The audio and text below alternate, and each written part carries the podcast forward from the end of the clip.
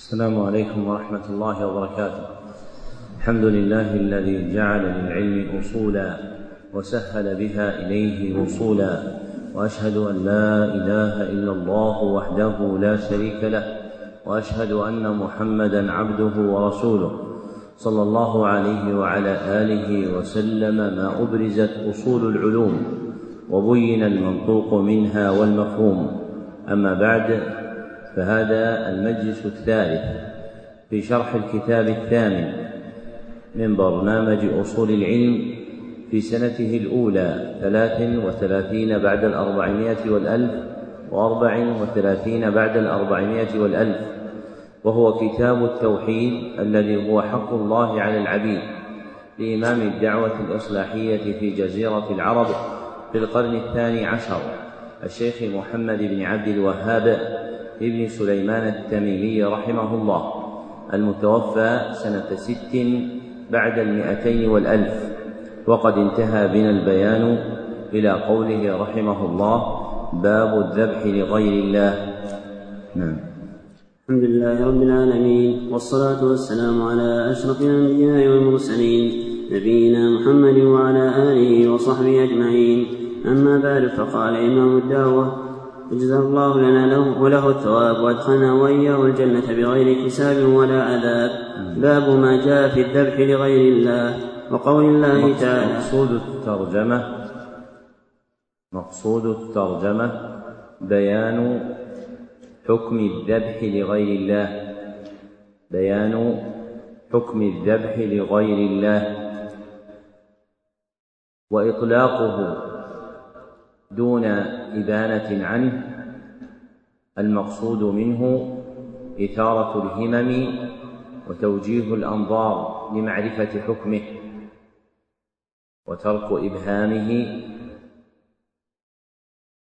حامله إرادة توجيه الأنظار وإثارة الهمم لمعرفته فلم يصرح به. نعم. وقول الله تعالى قل إن صلاتي ونسكي ومحياي ومماتي لله رب العالمين لا شريك له الآية وقوله فصل لربك وانحر عن علي بن أبي طالب رضي الله عنه قال حدثني رسول الله صلى الله عليه وسلم بأربع كلمات لعن الله من ذبح لغير الله لعن الله من لعن والديه لعن الله من آوى محدثا لعن الله من غير منار الأرض رواه مسلم وعن طارق بن شهاب أن رسول الله صلى الله عليه وسلم قال دخل الجنة رجل في ذبابة ودخل النار رجل في ذبابة. قالوا وكيف ذلك يا رسول الله؟ قال مر رجلان على قوم لهم صنم لا يجوزه أحد حتى يقرب له شيئا. فقالوا لأحدهما قرب؟ قال ليس عندي شيء أقربه قالوا لا أقرب ولو ذبابا. فقرب ذبابا فخلوا سبيله فدخل النار. وقالوا للآخر قرب. فقال ما كنت لأقرب لأحد شيئا دون الله عز وجل. فضربوا عنقه فدخل الجنة. رواه أحمد. ذكر المصنف رحمه الله لتحقيق مقصود الترجمة أربعة أدلة فالدليل الأول قوله تعالى قل إن صلاتي ونسكي الآية ودلالته على مقصود الترجمة في قوله ونسكي مع قوله لله رب العالمين فالنسك الذبح وأل في قوله لله للاستحقاق. فالمستحق للذبح له هو الله وحده فيكون الذبح لله عبادة توحيدية فإن جعلت لغيره صارت عبادة شركية فعلم منه أن الذبح لغير الله شرك أكبر. والدليل الثاني قوله تعالى فصل لربك وانحر ودلالته على مقصود الترجمة في قوله وانحر فالنحر الذبح والأمر بجعله لله تخصيص بكونه عبادة يتقرب بها إليه. وما كان عبادة لله فهو من حقه فإذا جعل حقه لغيره كان ذلك الجعل إيش؟ شركا. فعلم أن المصنف رحمه الله تعالى ساق هاتين الآيتين وهما في إيش؟ في ذبح الله أم لغير الله؟ في الذبح لله عز وجل. تنبيها بأن مناقضة ذلك بالذبح لغيره يوقع في مقابل المذكور فيهما. فالمذكور فيهما أن الذبح لله توحيد له فإذا جعل الذبح لغيره صار شركا. والدليل الثالث حديث علي رضي الله عنه قال حدثني رسول الله صلى الله عليه وسلم بأربع كلمات الحديث رواه مسلم ودلالته على مقصود الترجمة في قوله لعن الله من ذبح لغير الله واللعن من علامات تعظيم المنهي عنه المسمى شرعا إيش؟ كبيرة المسمى شرعا كبيرة فالكبيرة شرعا ما نهي عنه على وجه التعظيم فالكبيرة شرعا ما نهي عنه على وجه التعظيم ومن دلائل تعظيم الذنب اقترانه باللعن. ومن دلائل تعظيم الذنب اقترانه باللعن الذي هو طرد من رحمة الله عز وجل فالذنب المقرون باللعن كبيرة من كبائر الذنوب فيكون الذبح لغير الله عز وجل كبيرة من كبائر الذنوب.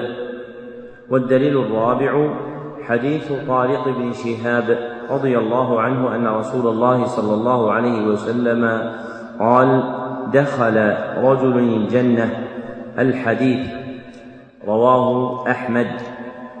وإطلاق العزو إليه إلى أي كتاب لاحمد وإطلاق العزو إليه الأخ يقول الزهد وأنتم سكتوا. رايكم الزهد ولا المسلم؟ ها يوسف. وإطلاق العزو إليه ينصرف إلى المسند. فإذا قيل في حديث رواه أحمد أي في مسنده لأنه أجل كتبه وأكبر لأنه أجل كتبه وأعظمها. وهذا الحديث مما التمس في مسند أحمد فلم يوجد. أشار إلى ذلك العلامة سليمان بن عبد الله في تيسير العزيز الحميد وغيره. والمصنف رحمه الله تعالى اقتفى في عزوه إلى أحمد ابن القيم رحمه الله فإن ابن القيم نقل هذا الحديث وعزاه إلى أحمد فظن المصنف لما نقله عنه أنه أراد المشهور من العزو إليه وأن الحديث في مسند أحمد فأطلقه ولم يقيده. والصحيح أن هذا الحديث كما بالنسخ التي بأيدينا في الزهد لا في مسند الإمام أحمد. فرواه أحمد في الزهد من حديث طارق بن شهاب عن سلمان الفارسي رضي الله عنه. قال دخل الجنة رجل في ذباب الحديث بتمامه وإسناده صحيح. فيكون راوي هذا الحديث من الصحابة من سلمان الفارسي رضي الله عنه إلا أنه لم يرفعه وإنما قال دخل الجنة رجل في ذباب ودخل النار رجل في ذباب فهو موقوف لفظا. وهل يكون موقوف مرفوع وهل يكون مرفوعا حكما أم لا؟ ها حمد لماذا؟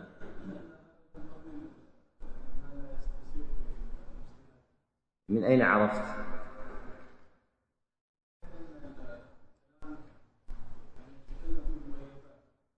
إيه ما هي المغيبات طيب الحديث سنت.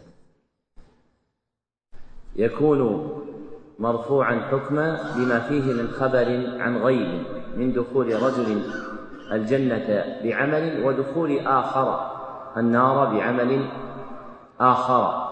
فإذا ورد الخبر مشتملا على الجزاء بالجنة والنار فإنه غيب. وإذا كان من كلام الصحابة قيل إنه مرفوع حكما ولو كان موقوفا لفظا. فهذا الحديث عن سلمان الفارسي أنه قال ومع ذلك يقال بأنه مرفوع حكما لما فيه من خبر عن الغيب. قال العراقي وما أتى عن صاحب بحيث لا يقال رأيا حكمه الرفع على ما قال في المحصول نحو من أتى فالحاكم الرفع لهذا أثبتا. إلا أن هذا مقيد عندهم بأن يكون الصحابي المتكلم به غير معروف بالأخذ عن أهل الكتاب لاحتمال أن يكون حديثه الذي حدثه من الإسرائيليات التي استفادها من كتبهم فحدث بها للإذن بذلك فيما ثبت في الصحيح حدثوا عن بني إسرائيل ولا حرج. وأشرت إلى ذلك في إحمرار الألفية بقولي لكنما قيده العراقي مقيد في شبه الاتفاق بكون قائل به لا يعرف أخذ له عن الكتاب فاعرفوه يعني لا يعرف له أخذ عن أهل الكتاب. وسلمان الفارسي رضي الله عنه لا يعرف له أخذ عن كتب أهل الكتاب بعد إسلامه. لا يعرف له أخذ عن أهل الكتاب بعد إسلامه. أما ما تقدم إسلامه فأمر آخر لكن الشأن في أن يثبت عنه أنه كان يحدث عن بني إسرائيل بعد أخذ له بعد الإسلام. كما اتفق لعبد الله بن عمرو رضي الله عنهما فإنه كان يحدث بأشياء أخذها من كتب أهل الكتاب كما في مقدمة مسلم وغيره. فيكون الحديث موقوفا لفظا مرفوعا حكما. ودلالته على مقصود الترجمة في قوله فقرب ذبابا فخلوا سبيله فدخل النار أي ذبح لصنمهم ذبابا على وجه التقرب أي ذبح لصنمهم ذبابا على وجه التقرب فدخل النار.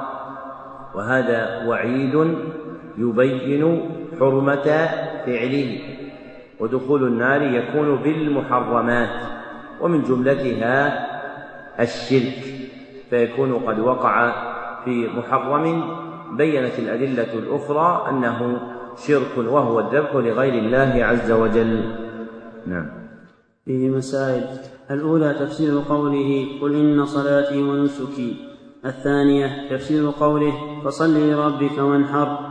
الثالثة البداءة بلعنة من ذبح لغير الله. الرابعة لعن من لعن والديه ومنه أن تلعن والديه قال البداء البداء بلعنة من ذبح لغير الله.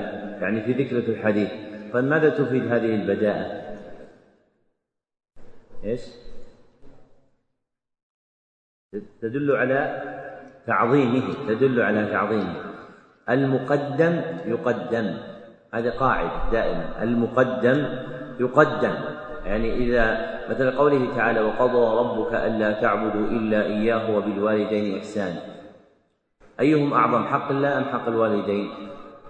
حق حق الله. من أين؟ من, من الآية. لأنه قدمه والمقدم يقدم. نعم. الرابعة لعن من لعن والديه ومنه أن تلعن والدي الرجل فيلعن والديك الخامسة لعن من آوى محدثا وهو الرجل وهو الرجل يحدث شيئا يجب فيه حق لله يجب فيه حق الله فيلتجئ إليه من يجيره من ذلك. يلتجئ يجب فيه حق حق الله. نعم. يجب فيه حق الله فيلتجئ إلى من يجيره من ذلك. السادسة لعن من غير منار الأرض وهي المراسيم التي تفرق بين حقك من الأرض وحق جارك فتغيرها فتغيرها بتقديم أو تأخير السابعة الفرق بين لعن المعين الآن طيب المراسيم تغيير المراسيم يؤثر في الأرض ولا ما يؤثر؟ المراسيم يعني حدود الأرض اللي يضعون الآن بلوك في الزوايا يؤثر ولا ما يؤثر؟ لو واحد الآن عندنا أخذ أرض هنا وقام وغير المراسيم يؤثر في حدودها أم لا يؤثر؟ ما عبد الرحمن. لماذا؟ أحسنت. الأراضي التي تسجل في البلديات المراسيم لا تغير فيها. لماذا؟ لأنها مخططات ثابتة لا يمكن التغيير فيها. فلا يعتد بهذه لو تغيرت عندهم. وإنما يبقى الحكم فيما لم يثبت له شيء يدل على حدوده فتبقى المراسيم حراما لا يجوز تغييرها. أما هذه الموجودة الآن فصارت غير مؤثرة يعني في المدن المخططة لأن كل مدينة كل حي منها كل قطعة منه مخططة عمرانيا عند البلدية ومحفوظة. فإذا وجد هذا المعنى صارت هذه صورية لا حقيقية فارتفعت علة الحكم. صارت صورية لا حقيقية فارتفعت علة الحكم. لكن إن كان الحكم متوقفا عليها فإنه لا يجوز تغييرها. نعم. السابعة الفرق بين لعن المعين ولعن أهل المعاصي على سبيل العموم. الثامنة هذه القصة العظيمة وهي قصة الذباب.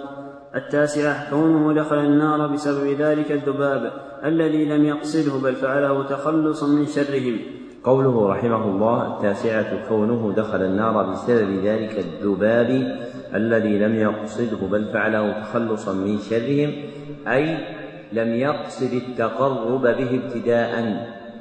لم يقصد التقرب به ابتداء.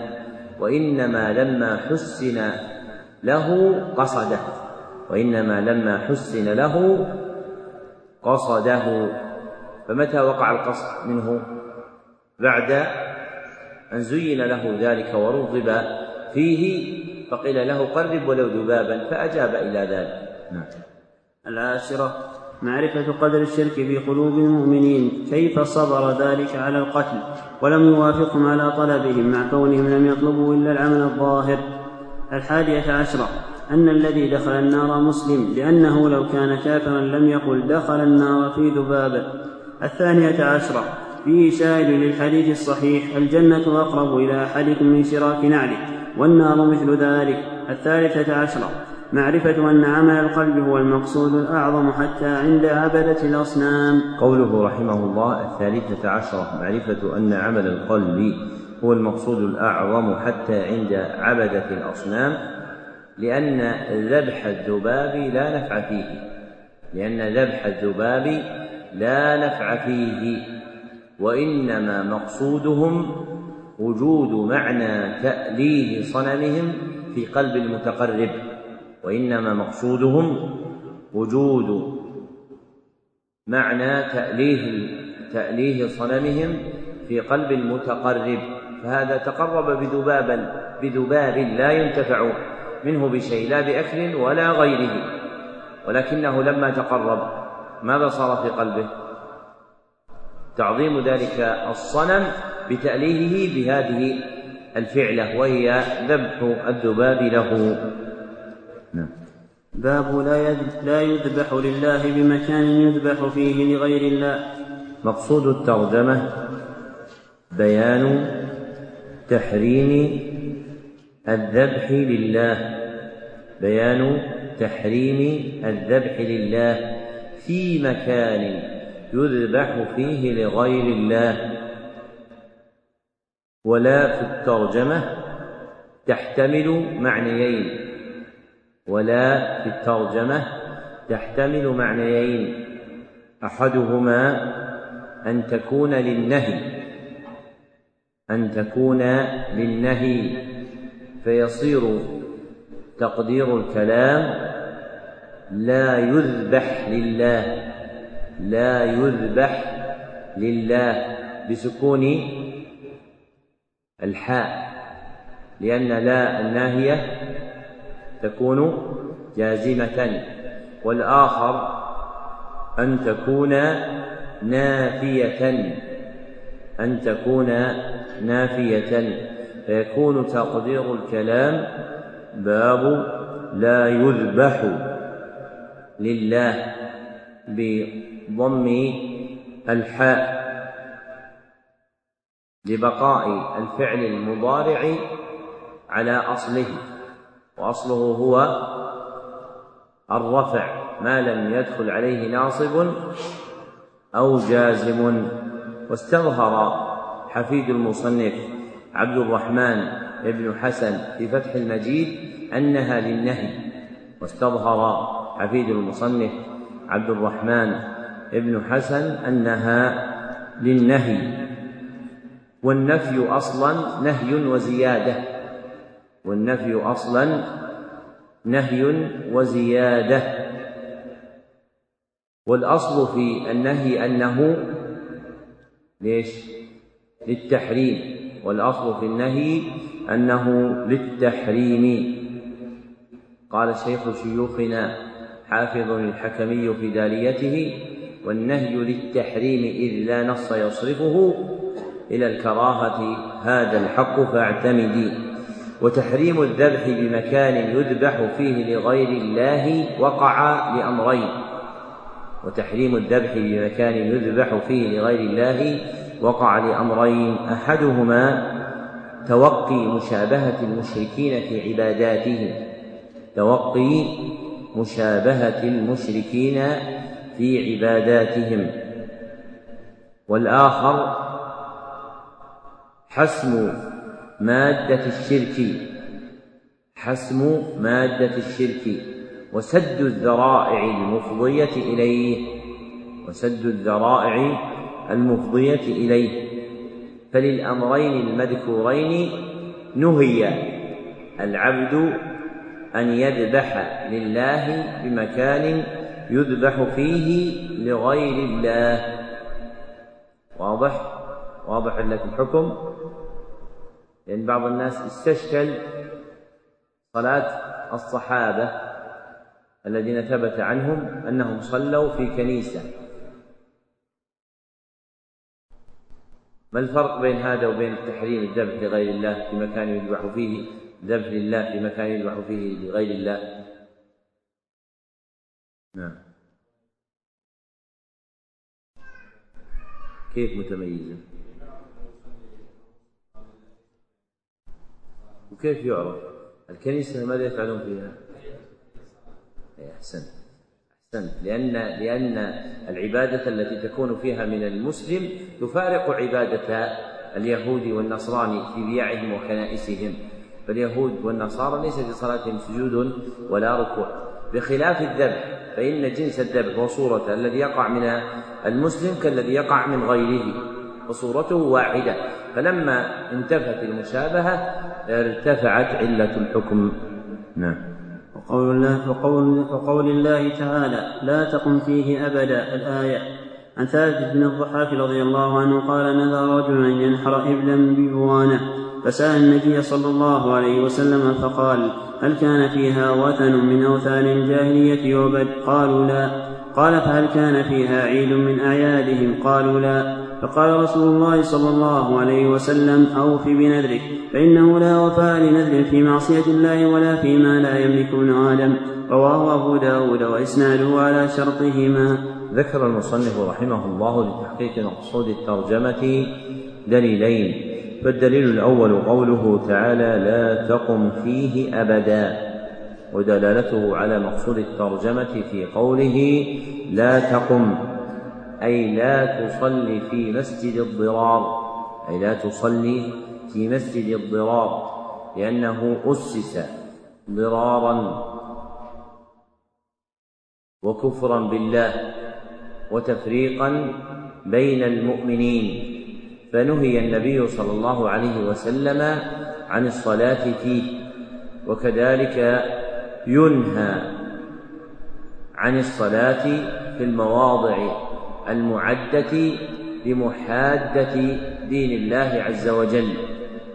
وكذلك ينهى عن الصلاة في المواضع المعدة لمحادة دين الله عز وجل. وكذا كل موضع أسس على خلاف التوحيد. وكذا كل موضع أسس على خلاف التوحيد. ومنه الموضع المعد للذبح لغير الله. ومنه الموضع المعد للذبح لغير الله. طيب الكنيسة أليست معدة لمحادة دين الله؟ الجواب بلى. فتكون الصلاة فيها إيش؟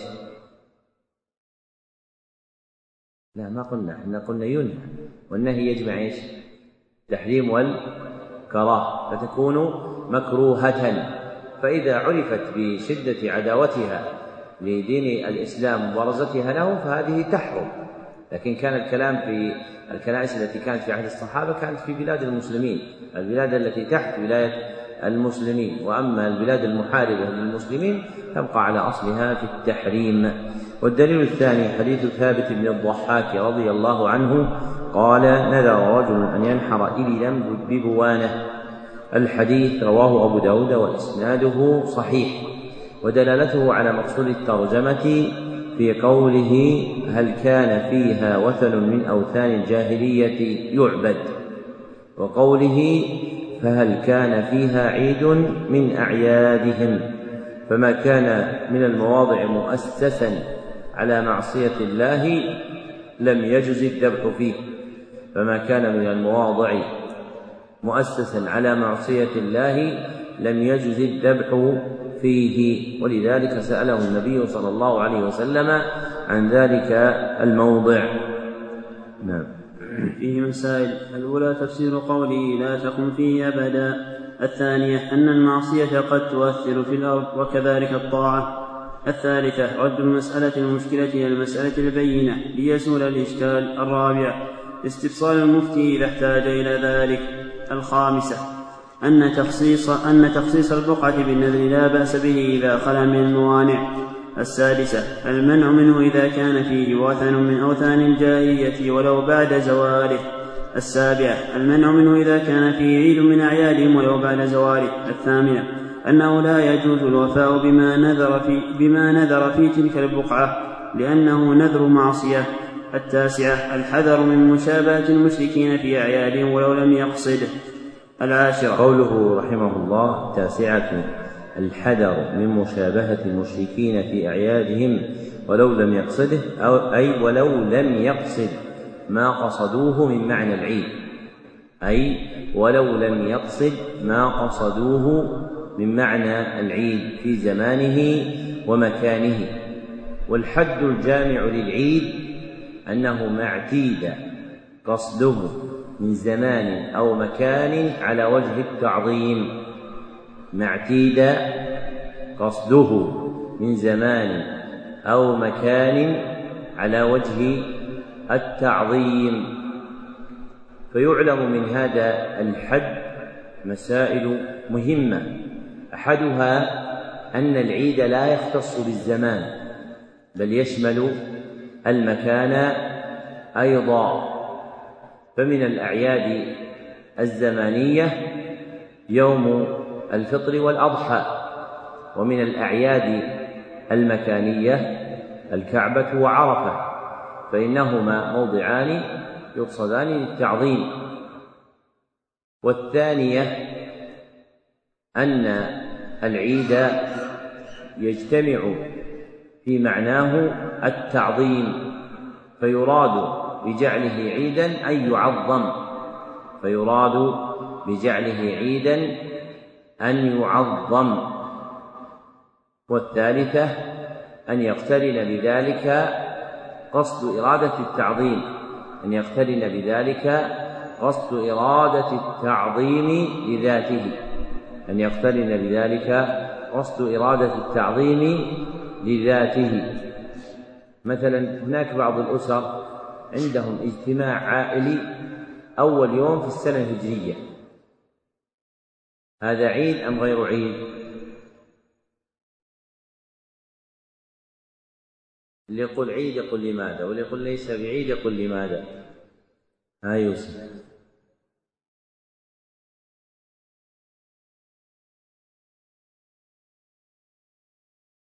طيب أنت الآن وش يقصدون لكن العوائل وش يقصدون؟ أي لا يقصدون لذاته لا يقصدون تعظيمه لذاته إنما هذا ترتيب زمان. حتى يرتبط الناس به فيعرفون أنه في هذا اليوم تجتمع العائلة في المكان الفلاني أو المكان الفلاني فلا يقصد لذاته وإنما جعل لإرادة الترتيب الزماني ليس إلا. والأعياد الواقعة في الناس نوعان. والأعياد الواقعة في الناس نوعان. أحدهما الأعياد الإسلامية. الأعياد الإسلامية. فمن زمانيها يوم الفطر والأضحى. فمن زمانيها يوم الفطر والأضحى. ومن مكانيها الكعبة وعرفة. والآخر الأعياد الجاهلية. وهي كل وهي كل ما اعتيد قصد تعظيمه من زمان أو مكان. كل ما اعتيد تعظيمه من زمان أو مكان مما لم يرد في الشرع. مما لم يرد في الشرع. فكل عيد زاد عن الأعياد الشرعية في الزمانية والمكانية فهو عيد جاهلي. ومن اتخذ عيدا للوطن أو للزواج أو للميلاد أو غيرها من المناسبات ففعله من جنس فعل المشركين وهو عيد جاهلي. وإلا فما معنى قوله صلى الله عليه وسلم هل كان فيها عيد من أعيادهم؟ أي مما تعارفوا عليه ولم يتعارف عليه المسلمون. فإذا وجد هذا المعنى وجد التحريم سواء سمي عيدا أو يوما أو مشهدا أو ملتقا أو منتدا أو مقاما أو اجتماعا لأن المباني لا تغير المعاني والحقائق لا تغير الأحكام. فإن العبرة في أحكام الشرع ملاحظة المقاصد والحقائق. فإذا وجد مقصد العيد صار محرما. واضح؟ هذه مسألة بينة لمن خلص قلبه من الهوى وتابع طريق الهدى.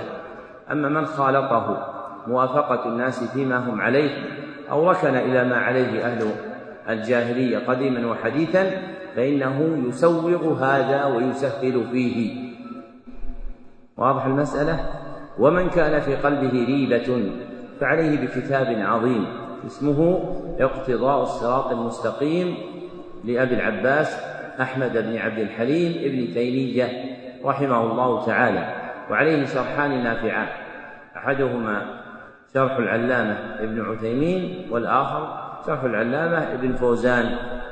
والأول اقترن به إثبات الأسئلة التي كانت تعرض على الشيخ من الطلبة عند بحث هذه المسائل ففيه فائدة زائدة. نعم. العاشرة لا نذر في معصية الحادية عشرة لا نذر لابن آدم فيما لا يملك. واضح الآن مثلا عيد الزواج عشان نطبق لأن المسائل هذه ما الذي أوقع الخلط فيها؟ عدم إحسان تطبيق حقائق العيد. حتى إن بعض الناس إذا قلت العيد مكاني لا يفهم هذا مع أن العلماء أصلوا على ذلك ابن عباس بن تيمية وتلميذه ابن القيم في إغاثة اللهفان وكلامه فيه من أحسن الكلام في بيان حقيقة حقيقة العيد. فمثلا إذا جينا لعيد الزواج طبق عليه. ما اعتيد قصده من إيش؟ من زمان على وجه التعظيم. هم يعظمونه بفرح وباجتماع وبسهرة وبهدية وبغير ذلك مما يقع عند الناس من تعظيم. فيكون عيدا جاهليا لا يجوز أن يفعله الإنسان. وهذه الأشياء إنما وقعت عندنا ودخلت إلينا من التشبه بالكفار ومجاراتهم فيما هم عليه ولم يكن الناس يعرفونها وفي مثل هذا قال من قال عليك بدين العجائز يعني عليك بالدين القديم وهذا يوجد أيضا في كلام بعض السلف عليك بالدين القديم يعني الذي يعرفه الناس. أما الذي يتجدد مما يقع بين الناس من الحوادث فالأصل فيه عدم الصحة إذا صار في بلد نشأ أهله على السنة والتوحيد. نعم. باب من الشرك النذر لغير الله. مقصود الترجمة بيان أن النذر لغير الله من الشرك. بيان أن النذر لغير الله من الشرك وهو من أكبره وهو من أكبره لأنه يتضمن جعل شيء من حق الله لغيره يزول معه أصل الإيمان لأنه يتضمن جعل شيء من حق الله. لغيره يزول معه أصل الإيمان. وتقدم أن النذر شرعا يقع على معنيين. أين تقدم؟ في ثلاثة الأصول وأدلتها. أحدهما معنى عام وهو إلزام العبد نفسه دين الإسلام. وهو إلزام العبد نفسه دين الإسلام. ومنه قوله تعالى إيش؟ يوفون بالنذر يوفون بالنذر فإنها عند كثير من المفسرين أي يأتون بما عليهم من دين الإسلام الذي دخلوا فيه والآخر معنى خاص وهو إلزام العبد نفسه لله نفلا معينا غير معلق. إلزام العبد نفسه لله نفلا معينا غير معلق. فقولنا نفلا خرج به الواجب لأنه لازم ابتداء. لو قال واحد نذر علي أصلي صلاة الظهر هذا فيه فائدة؟ لا. لماذا؟ لأنه واجب ابتداء وقولنا معينا أي غير مبهم. أي غير مبهم. فلو أبهم لم يكن فيه إلا الكفارة. فلو أبهم ففيه الكفارة. كما لو قال علي نذر.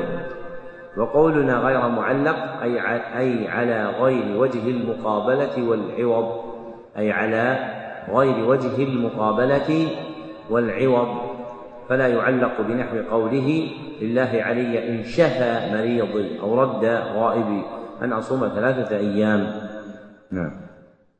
وقول الله تعالى يوفون بالنذر وقوله وما أنفقتم من نفقة أو نذرتم من نذر فإن الله يعلمه وفي الصحيح عن عائشة رضي الله عنها أن رسول الله صلى الله عليه وسلم قال من نذر أن يطيع أن يطيع الله فليطيعه ومن نذر أن يعصي الله فلا يعصه ذكر المصنف رحمه الله لتحقيق مقصود الترجمة ثلاثة أدلة فالدليل الأول قوله تعالى يوفون بالنذر الآية ودلالته على مقصود الترجمة في مدح الله المؤمنين بوفائهم بالنذر في مدح الله المؤمنين بوفائهم بالنذر. وما مدح عليه من العمل فإنه يتضمن مدح فاعله فهو عبادة يتقرب بها إلى الله. وما تضمن مدحا للعمل فإنه يتضمن مدحا لفاعله لأنه تقرب بعبادة إلى الله سبحانه وتعالى فيكون النذر من العبادات المتقرب بها إلى الله. فيكون النذر من العبادات المتقرب بها إلى الله. فإذا جعل لغير الله صار شركا فإذا جعل لغير الله صار شركا أكبر.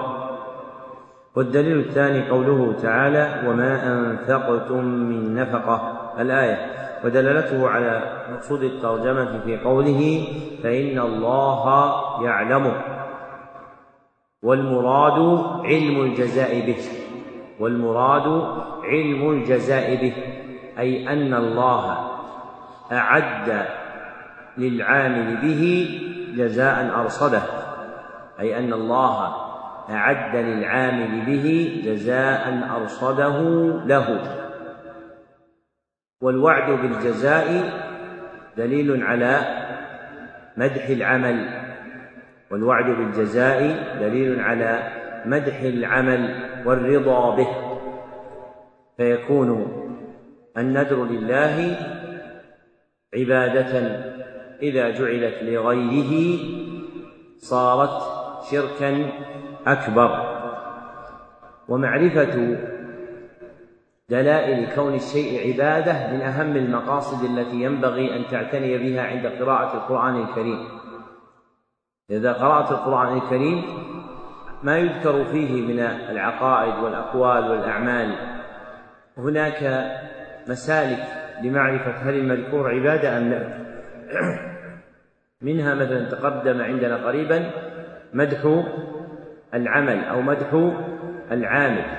فإذا مرت آية فيها مدح العمل أو العامل كان ذلك الممدوح عبادة يتقرب بها إلى الله. مثال آخر أو مسلك آخر تعليق الإيمان عليه كقوله تعالى وعلى الله فتوكلوا إن كنتم إيش؟ مؤمنين. فجعل حصول الإيمان موقوفا على وجود التوكل. فعلم أن التوكل عبادة يتقرب بها إلى الله سبحانه وتعالى. وهذا الأصل مما ينتفع به الإنسان في معرفة ما يقربه إلى الله عز وجل. ولا سيما تلك الأعمال التي ذكرت في القرآن من أعمال الأنبياء والصالحين.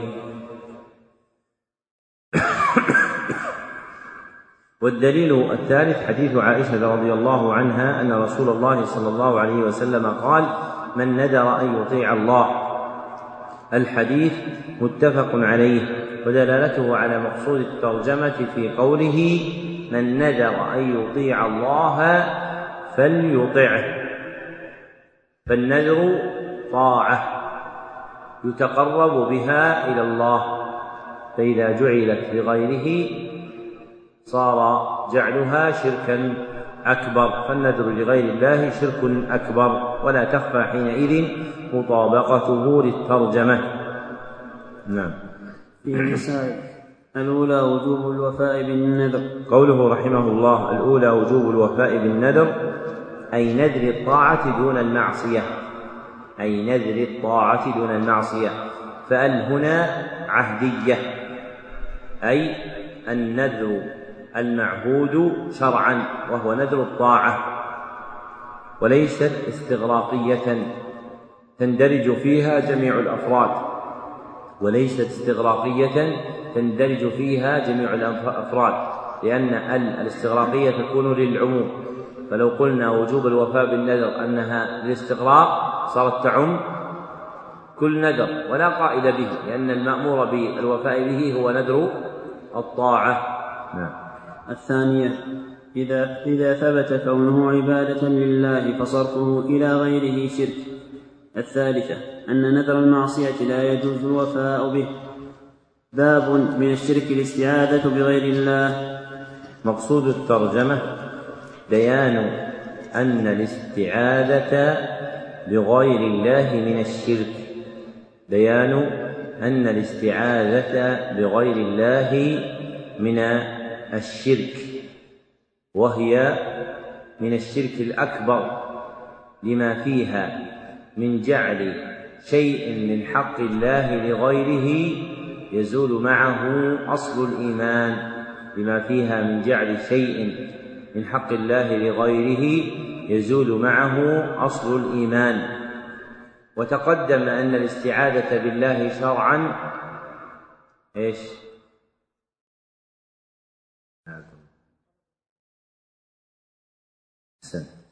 طلب العود من الله عند ورود المخوف. طلب العوذ من الله عند ورود المخوف. والعوذ هو الالتجاء والاعتصام. والعوذ هو الالتجاء والاعتصام. وقول الله تعالى وأنه كان رجال من الإنس يعوذون برجال من الجن فزادوهم رهقا. وعن خولة بنت حكيم رضي الله عنها قالت سمعت رسول الله صلى الله عليه وسلم يقول من نزل منزلا فقال أعوذ بكلمات الله التامات من شر ما خلق. لم يضره شيء حتى يرحل من منزله ذلك. رواه مسلم. ذكر المصنف رحمه الله لتحقيق مقصود الترجمة دليلين. فالدليل الأول قوله تعالى وأنه كان رجال من الإنس يعوذون برجال من الجن. الآية ودلالته على مقصود الترجمة في قوله يعوذون برجال من الجن. بعد قوله في صدر السورة فآمنا به ولن نشرك بربنا أحدا ثم عددوا أفرادا من الشرك. ثم عددوا أفرادا من الشرك منها قولهم وأنه كان رجال من الإنس يعودون برجال من الجن. فمن الشرك الاستعاذة بغير الله. والدليل الثاني حديث خولة بنت حكيم رضي الله عنها قالت سمعت رسول الله صلى الله عليه وسلم يقول من نزل منزلا. الحديث رواه مسلم ودلالته على مقصود الترجمة في قوله أعوذ بكلمات الله. فكلمات الله صفة من صفاته والاستعاذة بها من جملة الاستعاذة بالله عز وجل. فتكون عبادة لله إذا جعلت لغيره وقع صاحبها في الشرك الأكبر. طيب هذه الآية هذا الحديث استدل به على أن القرآن غير مخلوق. كيف؟ نعم.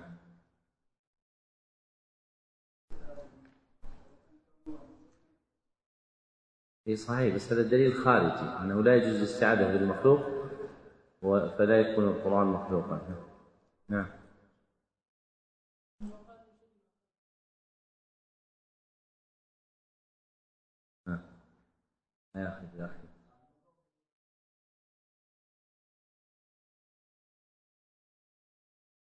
هذه كلها أدلة خارجية. أنتم شوفوا الحديث عندكم ما ياخذ إيه، أحسنت. يقول الأخ من قوله التامات. التامات.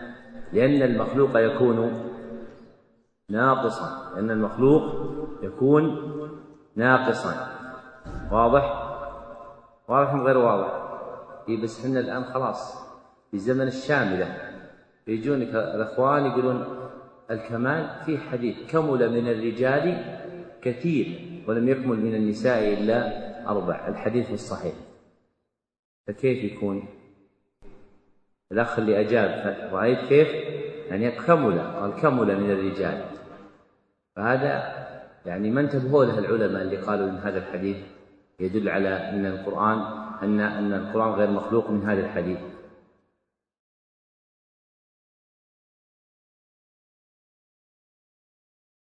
المعروف هذا كمال الخلق أنه كمال يعني غير مطلق كمال مناسب لحاله. لكن كيف تجمع في هذا؟ ها يا عبد النفس أحسنت. كلمات الله صفة لله يعني من جهتين. أحدهما أن هذه الكلمات الذي ذكر تمامها كلمات الله. وذلك الحديث في إيش في المخلوقين وذلك الحديث في المخلوقين أن هذا الحديث أعوذ بكلمات الله التامات التمام مذكور لكلمات الله عز وجل وهي صفة من صفاته. والحديث يتعلق بالمخلوقين. فمورد كل واحد منهم مختلف عن مختلف عن الآخر مختلف عن الآخر. هذا وجه. والوجه الثاني أن الحديث المذكور يتعلق بالكلام أن حديث خولة يتعلق بالكلام. وحديث عائشة كمل من الرجال يتعلق بالأعيان يعني بالأفراد من الخلق. فيكون هذا له مورد وهذا له مورد آخر. نعم. فيه مسائل الأولى تفسير الآية الثانية كونه من الشرك الثالثة الاستدلال على ذلك بالحديث لأن العلماء استدلوا به على أن كلمات الله غير مخلوقة. قالوا لأن الاستعاذة بالمخلوق شرك. الرابعة فضيلة هذا الدعاء مع اختصاره. الخامسة أن كون الشيء يحصل به منفعة دنيوية من كف شر أو جلب نفع لا يدل على أنه ليس من الشرك.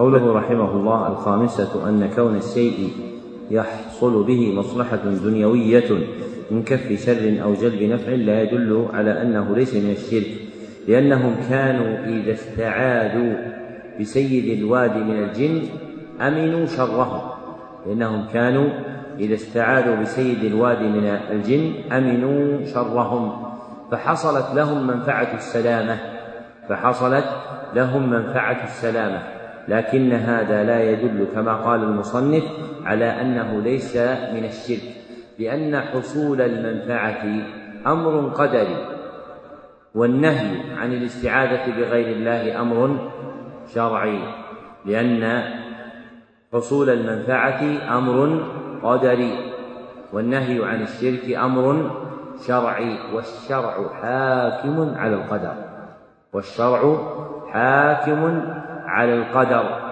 فمتى استبان حكم الشريعة في شيء لم يكن وقوع القدر على خلافه معتدا به.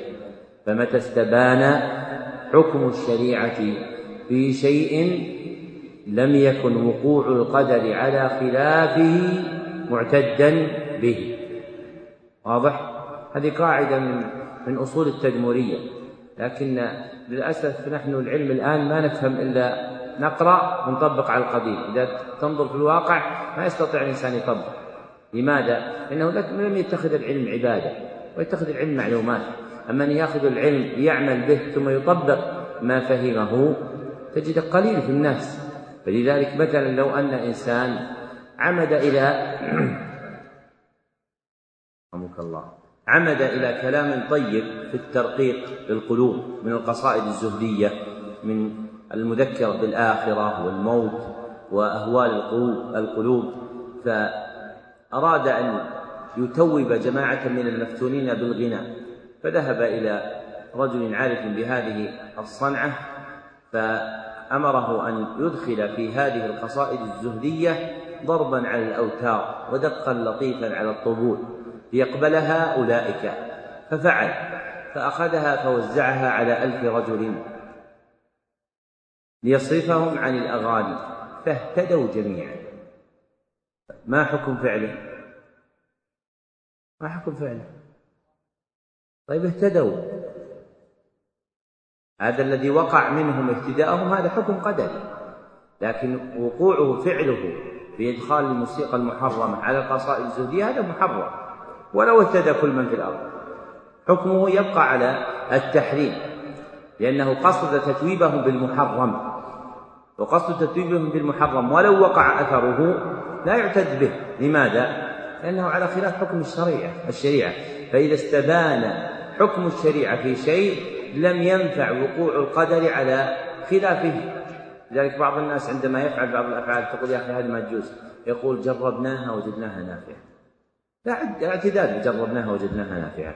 الاعتداد بحكم الله سبحانه وتعالى. قال أبو العباس بن تيمية ومن ظن أن غير الكتاب والسنة أنفع للناس فهو ضال. الذي يظن أن الناس يهتدون وينتفعون بشيء غير ما أمر الله عز وجل به فهو ضال. لأن الذي خلقهم هو الذي أمر بهذا فهو عارف بما يصلحون به وما يصلح لهم. وأنت لست أحكم ولا أغير ولا أعلم ولا أعظم من الله عز وجل. فالتزم بحكم الله عز وجل تغنم وتسلم في الأولى والآخرة. نعم. باب من الشرك أن يستغيث بغير الله أو يدعو غيره.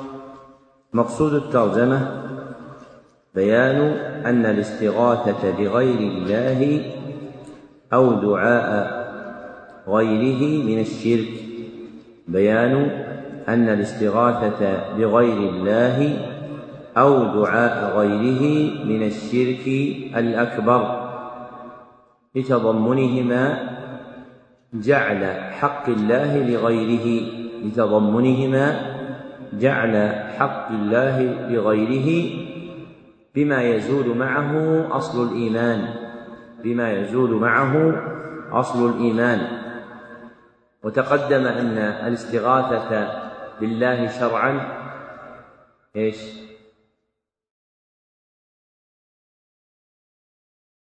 المفروض كلكم ترفعون أيديكم. لأن تقدمت معي ثلاثة الأصول إيش؟ ما قلت إلا خير إن شاء الله. قلنا الاستغاثة بالله شرعا. ما هي؟ يا طارق عند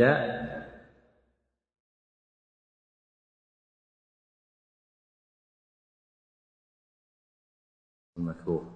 يوسف طلب الغوث من الله عند ورود الضرر. طلب الغوث من الله عند ورود الضرر. وقلنا الغوث هو العون في الشدة. وقلنا الغوث هو العون في الشدة. وأما الدعاء شرعا فهو إيش؟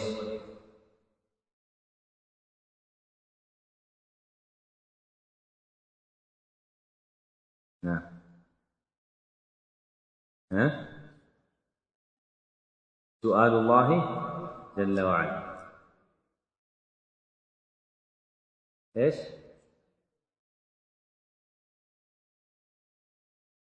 طيب من ترك حاضر في الأصول صح؟ كنت هنا طيب هيا الشات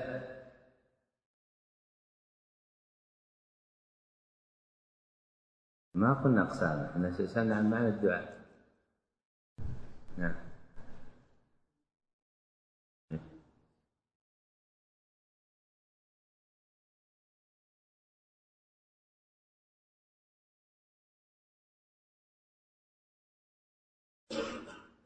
قريب ها يوسف الثاني. ها عبد الله.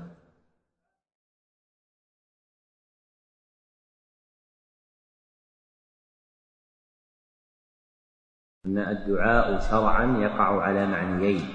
أحدهما عام وهو امتثال خطاب الشرع المقترن بالحب والخضوع. امتثال خطاب الشرع المقترن بالحب والخضوع. المقترن هذه صفة إيش؟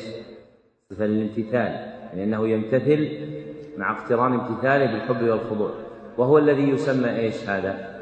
عبادة وهو الذي يسمى عبادة لأن العبادة تقدم عندنا في المعنى العام أنها امتثال خطاب الشرع المقترن بالحب والخضوع والذي يبين هذا حديث النعمان بن بشير الذي رواه أصحاب السنن من حديث ذر بن عبد الله عن سعيد بن معدان عن النعمان بن بشير رضي الله عنهما أن النبي صلى الله عليه وسلم قال الدعاء هو العبادة والآخر معنى خاص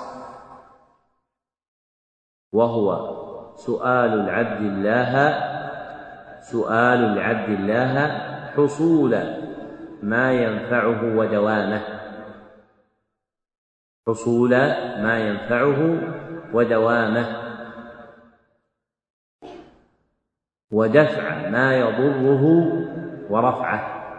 ودفع ما يضره ورفعه. وهو الذي يسمى مسألة.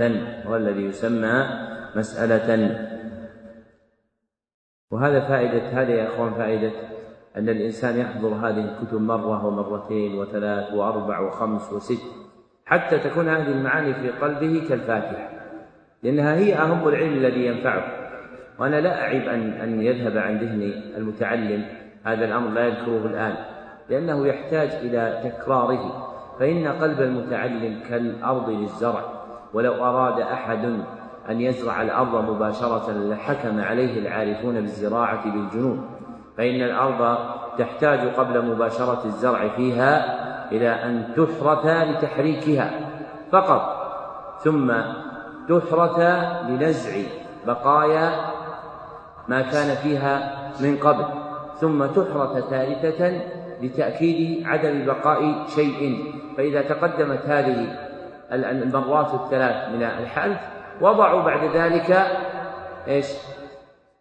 بذرا فلا تخرج ثمرته بل يسقى ويرقب مدة حتى يرتفع ثم يخضر ثم بعد ذلك يزهر إن كان ذا ثمر ثم بعد إزهاره يكون إثماره فكذلك العلم قلبك يحتاج إلى تهيئة تمتد مدة طويلة فتكرار ما ينفعك عليها مرة بعد مرة بعد مرة هو الذي يجعل عندك علما لا تحتاج معه إلى كتاب وهذا هو الذي كان عليه العلماء قبل.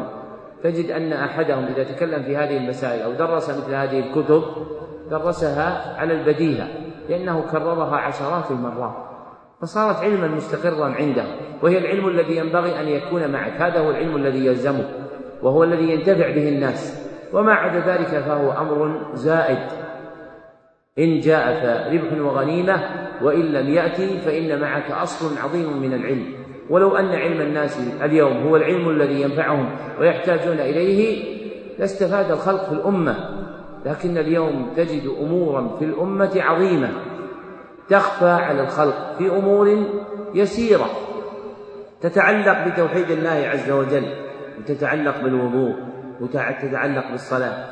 تجد إنسان يتخرج من كلية الشريعة يتوضأ ثم يغسل يديه إلى المرفقين مبتدئا من الرسل.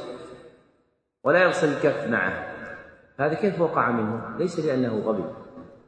لا وإنما وقع معه لأنه لما درس غسل المرفقين غسل اليدين إلى المرفقين تكلم على هذه المسألة من وجوه لا يفتقر إليه المتعلم. وترك ما يفتقر إليه وهو بيان حد اليد. وتأكيد ذلك له مرة بعد مرة. فشغل بغير ذلك من الخلاف والأقوال المتعددة وإيراد الحجج والاعتراض عليها وما يجاب به عن حجة كل متكلم فصار العلم الذي ينفعه هو جاهل به. بخلاف لو أنه اقتصر على بيان ما ينفعه وكرر عليه مرة بعد مرة بعد مرة انتفع الإنسان. نعم. وقول الله تعالى ولا تدع من دون الله ما لا ينفعك ولا يضرك فإن فعلت فإنك إذا من الظالمين. وإن يمسسك الله بضر فلا كاشف له إلا هو. الآية. وقوله فابتغوا عند الله الرزق واعبدوه. الآية. وقوله ومن أضل ممن يدعو من دون الله من لا يستجيب له إلى يوم القيامة. الآيتين وقوله أمن يجيب المضطر إذا دعاه ويكشف السوء. الآية. وروى الطبراني بإسناده أنه كان في زمن النبي صلى الله عليه وسلم منافق يؤذي المؤمنين فقال بعضهم قوموا بنا نستغيث برسول الله صلى الله عليه وسلم من هذا المنافق. فقال النبي صلى الله عليه وسلم إنه لا يستغاث بي وإنما يستغاث بالله عز وجل. ذكر المصنف رحمه الله لتحقيق مقصود الترجمة خمسة أدلة فالدليل الأول قوله تعالى ولا تدع مع الله ولا تدع من دون الله ما لا ينفعك ولا يضرك. الآية. ودلالته على مقصود الترجمة من وجهين. أحدهما في قوله ولا تدع من دون الله. فإنه نهي. والنهي للتحريم.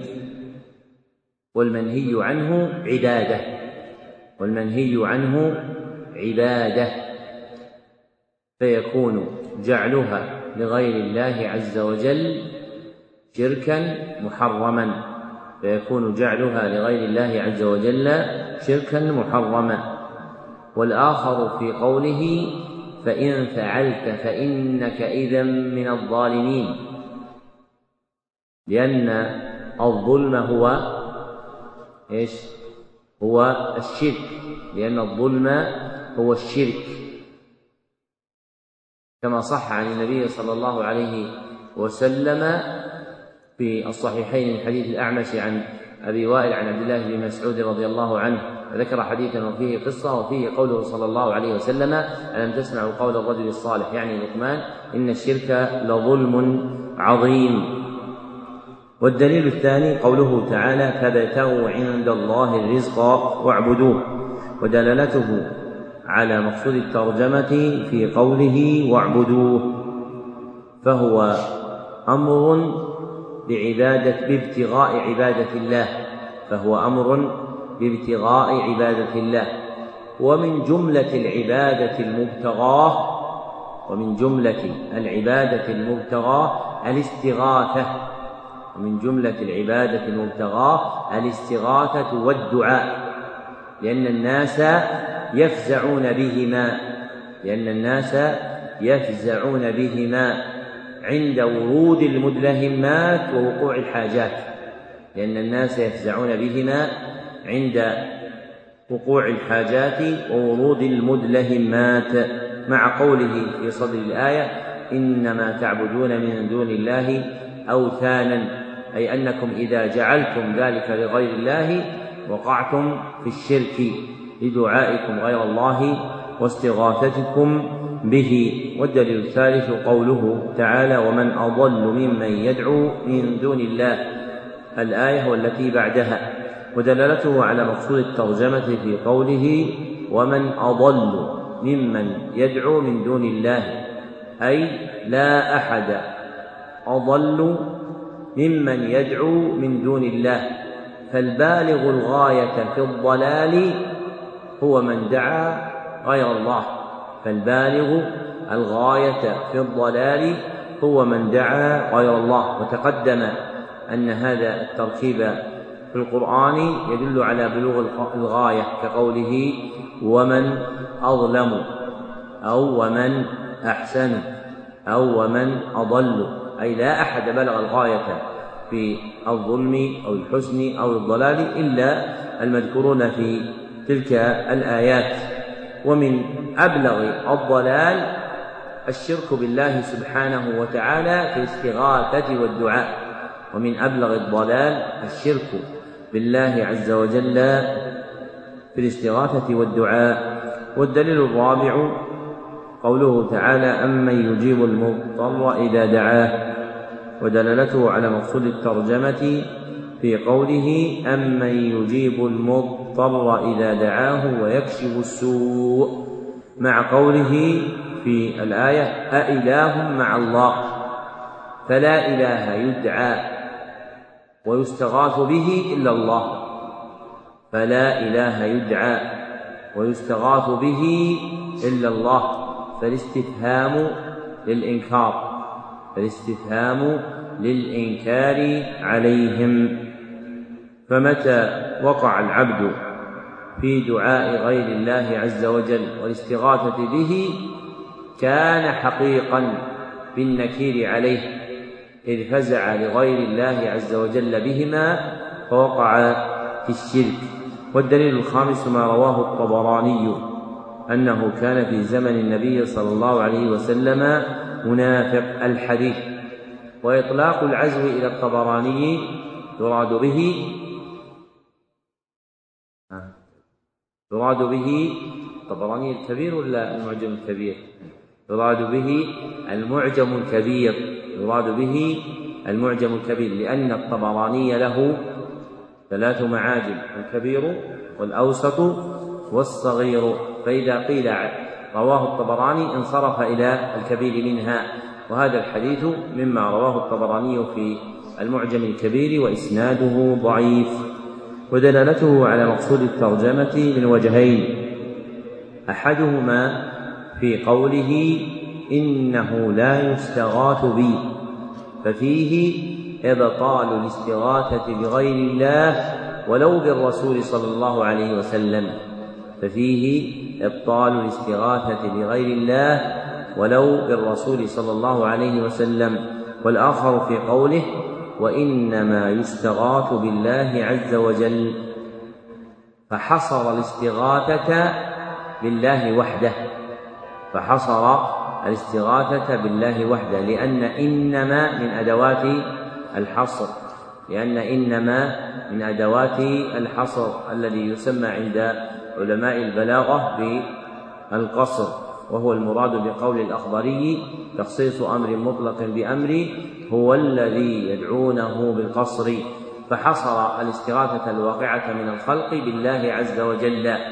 فإذا جعلت لغير الله وقع جاعلها لغيره في الشرك. فإذا جعلت لغير الله وقع جاعلها لغير الله في الشرك. ومنعه صلى الله عليه وسلم من أن يستغاث به على مقدور عليه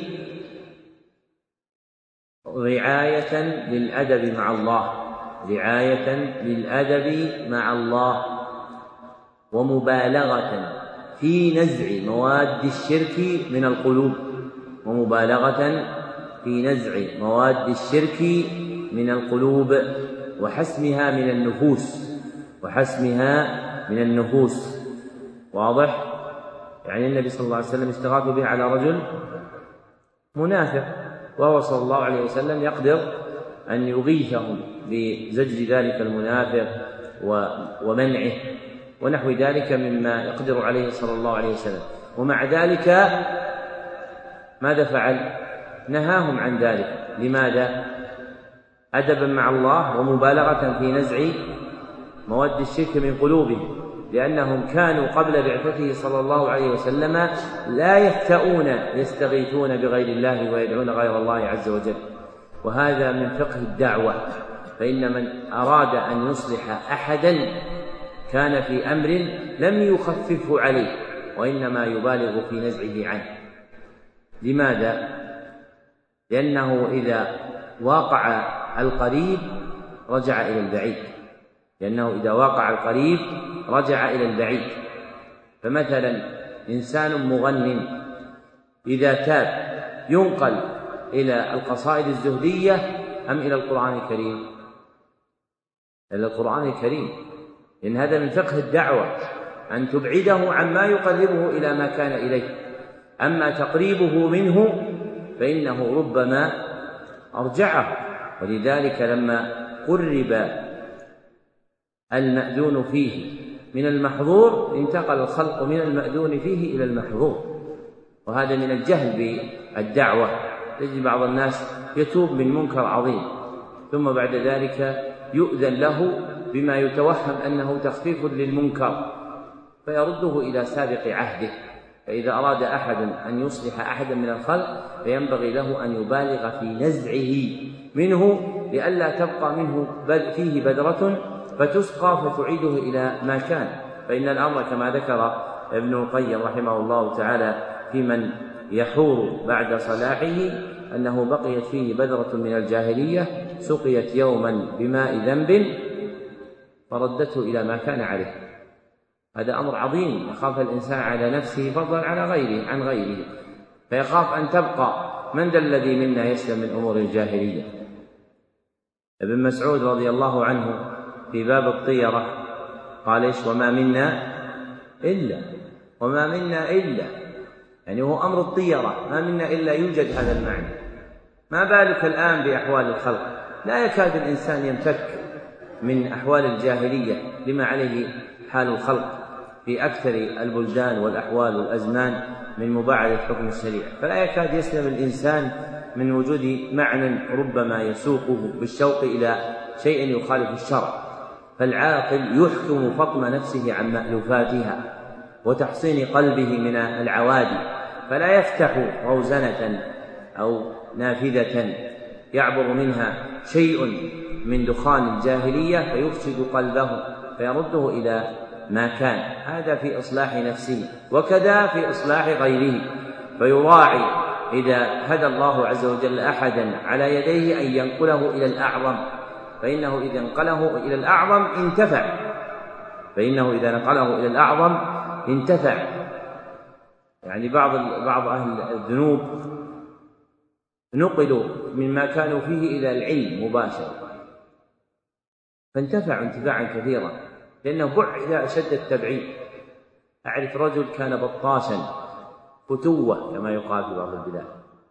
يعني إنسان ما يصد ولا يرد. وكان مشهورا بالبطش فهداه الله عز وجل. فقال أرشده ذلك الذي أنس منه وركن إليه الهداية أرشده إلى طلب العلم. الآن لو نقول واحد هذا إيش معنى بطاش؟ يعني قل ما شئت من الألفاظ في يعني ما كان عليه من سوء الحال. فلما أرشد إلى العلم أقبل على العلم. فأدرك في سنوات قليلة لأنه مع الصدق وكمال الإقبال وغالبا أن هؤلاء الذين يكونون عندهم قوة غالبا يكون عندهم قدرة بارعة يكون عند الصبر على العلم. فأدرك هذا أدرك هذا الرجل العلم حتى بعد سنوات يسيرة أنهى كلية الشريعة بالانتساب وعين كاتبا للعلم. وهو الذي يراه يقول هذا معقول هذا فلان الذي كان قبل سنوات كان يعني له بطش وله صولة وله جولة كيف يكون هذا كاتب عدل؟ لكنه إذا نقل إلى الأنفع والأعظم والأعلى يحصل الخير. وانظر إلى بعض بعض المشهورين عبد الله بن مسلم القعنبي من رجال الصحيحين كان من الشطار يعني من السراق أهل البطش. ومع ذلك لما صلح انصرف اقبل على العلم فهدى الله هداه الله عز وجل وهدى به إلى اليوم بما رواه من الأحاديث. نعم. في مسائل الأولى أن عطف الدعاء على الاستغاثة من عطف بعدين للفائدة.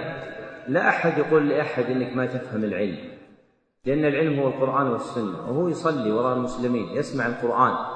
فأنت عندما تقول لا أنت لا ما تفهم العلم لا تذهب للعلم من قال لك هذا؟ يعني الله عز وجل خاطبنا بشيء ما نفهمه؟ لا يمكن أن يكون هذا. هذه من الشبهات التي تقع في قلوب بعض الناس. العلم النافع النبي صلى الله عليه وسلم قال في كما في الصحيح من حديث سعيد بن أبي سعيد بن أبي سعيد المقبري عن أبي هريرة رضي الله عنه أن النبي صلى الله عليه وسلم قال إن الدين يسر.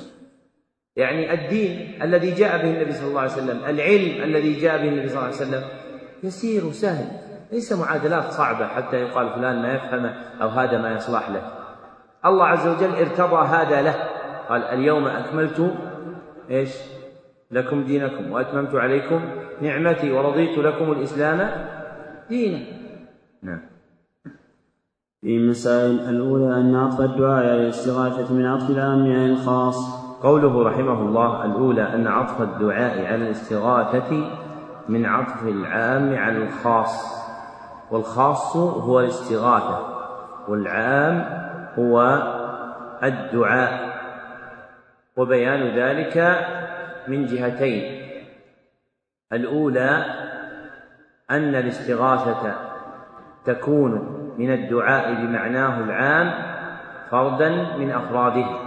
أن الاستغاثة تكون من الدعاء بمعناه العام فردا من أفراده.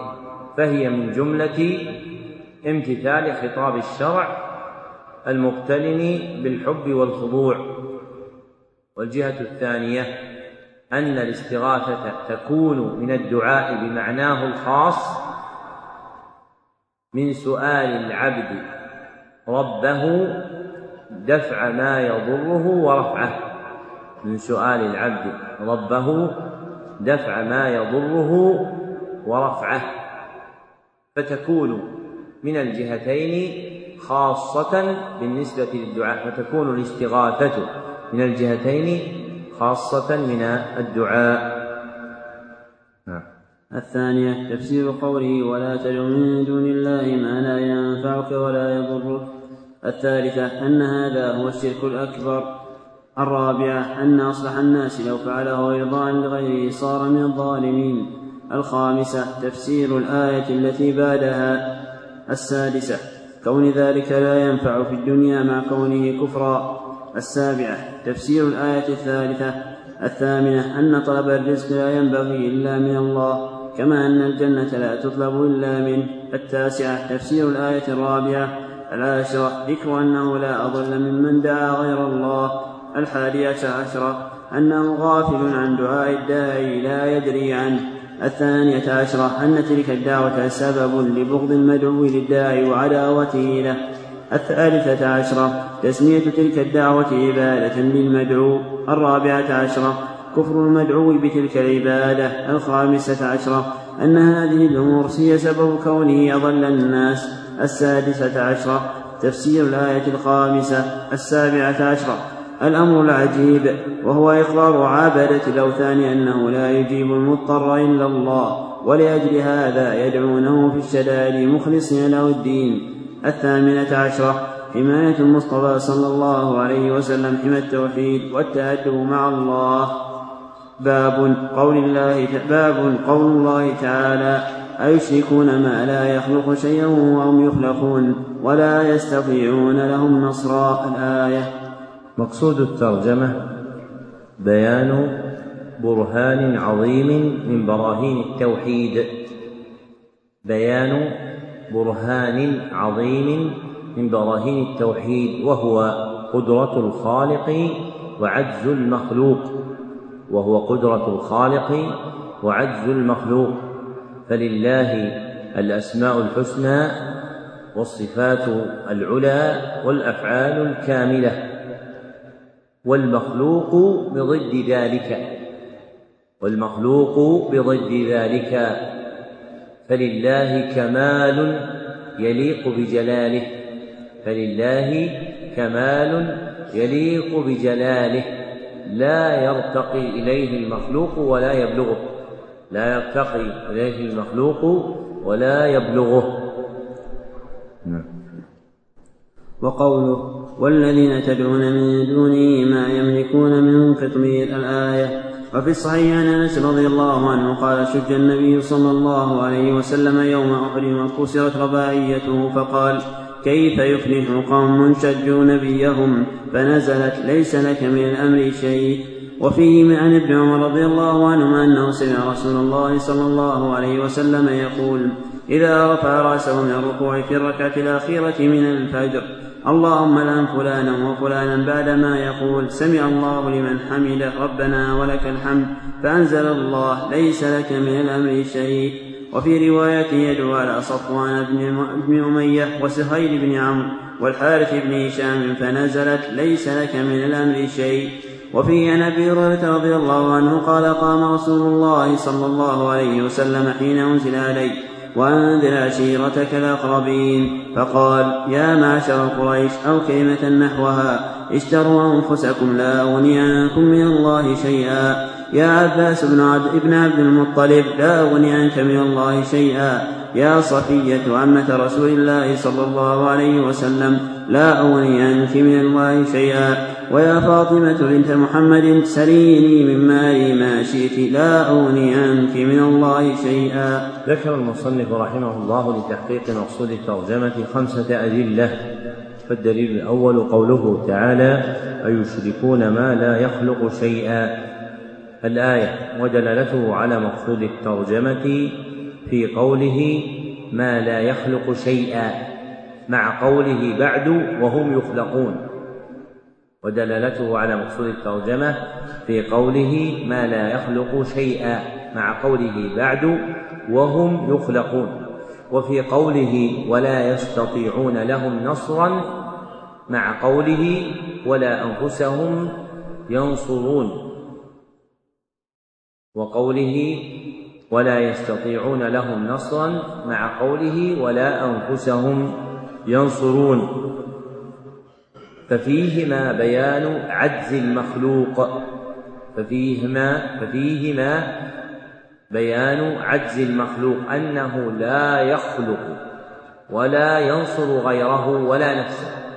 أنه لا يخلق ولا ينصر غيره ولا نفسه بخلاف الله عز وجل فهو القادر الناصر بخلاف بخلاف الله عز وجل فهو القادر الناصر فيكون المخلوق عبدا ويكون الخالق معبودا. فيكون المخلوق عبدا ويكون الخالق معبودا. ولهذا قال الله عز وجل بعدها بآية إن الذين تدعون من دون الله عباد أمثالكم أي أن آلهتكم الذين تعظمونهم هم مثلكم. إنما يصلحون أن يكونوا عبادا ولا يصلح أن يكونوا معبودين ولا يصلحون أن يكونوا معبودين كالله سبحانه وتعالى. نعم. والدليل الثاني قوله تعالى والذين تدعون من دونه الآية. ودلالته على مقصود الترجمة في قوله ما يملكون من قطمير والقطمير اللفافة, اللفافة التي تكون على نواة التمر وغيره. اللفافة التي تكون على نواة التمر وغيره. فنفى عنهم ملك شيء حقير. ومن لا يملك الحقير لا يملك الكبير. ومن لا يملك الحقير لا يملك الكبير. وإنما الملك كله لله عز وجل. ولذلك قال ذلكم الله ربكم له الملك. ذلكم الله ربكم له الملك والذين تدعون من دونه ما يملكون من قطمير. فأثبت لنفسه الملك الكامل التام ونفى عنهم ملك شيء حقير. والدليل الثالث حديث أنس رضي الله عنه قال شج النبي صلى الله عليه وسلم يوم أحد. الحديث متفق عليه. ودلالته على مقصود الترجمة في إنزال الله قوله ليس لك من الأمر شيء. بعد قوله كيف يفلح قوم شجوا بيانهم شجوا نبيهم استبعادا منه صلى الله عليه وسلم لفلاحهم استبعادا منه صلى الله عليه وسلم لفلاحهم. بعد فعلتهم التي فعلوا فأخبر صلى الله عليه وسلم أنه ليس له الحكم على أحد من الخلق. فأخبر صلى الله عليه وسلم أنه ليس له الحكم على أحد من الحق من الخلق لأن عواقب الأمور بيد الله لأن عواقب الأمور بيد الله. قال الله تعالى بل لله الأمر جميعا. والدليل الرابع حديث ابن عمر رضي الله عنهما أنه سمع النبي صلى الله عليه وسلم يقول الحديث متفق عليه ودلالته على مقصود الترجمة في إنزاله تعالى قوله ليس لك من الأمر شيء بعد قوله صلى الله عليه وسلم اللهم لعن فلانا وفلانا وفيه المعنى المتقدم من حجب الحكم على الخلق عنه صلى الله عليه وسلم ورده إلى الله عز وجل. وإذا كان هذا محجوبا عن النبي صلى الله عليه وسلم فحجبه عن غيره أولى وأحرى. وقد ذكر المصنف رحمه الله تعالى حديثين في سبب نزول قوله تعالى ليس لك من الأمر شيء فأولهما وهو حديث أنس فيه أن الآية نزلت بعد شج النبي صلى الله عليه وسلم وكسر رباعيته وفي الآخر. وهو حديث ابن عمر رضي الله عنهما أنها نزلت بعد قنوت النبي صلى الله عليه وسلم على أقوام باللعن. والصحيح أن الآية نزلت فيهما جميعا. فيكون الأمران وقعا ثم نزلت الآية. فيكون الأمران وقعا ثم نزلت الآية. فتكون نازلة في هذا وذاك وهو اختيار البخاري في صحيحه وهو اختيار البخاري في صحيحه. والدليل الخامس حديث أبي هريرة رضي الله عنه قال قال رسول الله صلى الله عليه وسلم حين أنزل عليه وآنذر عشيرتك الأقربين الحديث متفق عليه ودلالته على مقصود الترجمة في قوله لا أغني عنكم من الله شيئا وقوله لا أغني عنك من الله شيئا. وقوله لا أغني عنك من الله شيئا. ففي الجمل الثلاث خبر الصادق المصدوق أنه لا حكم له في عواقب الخلق.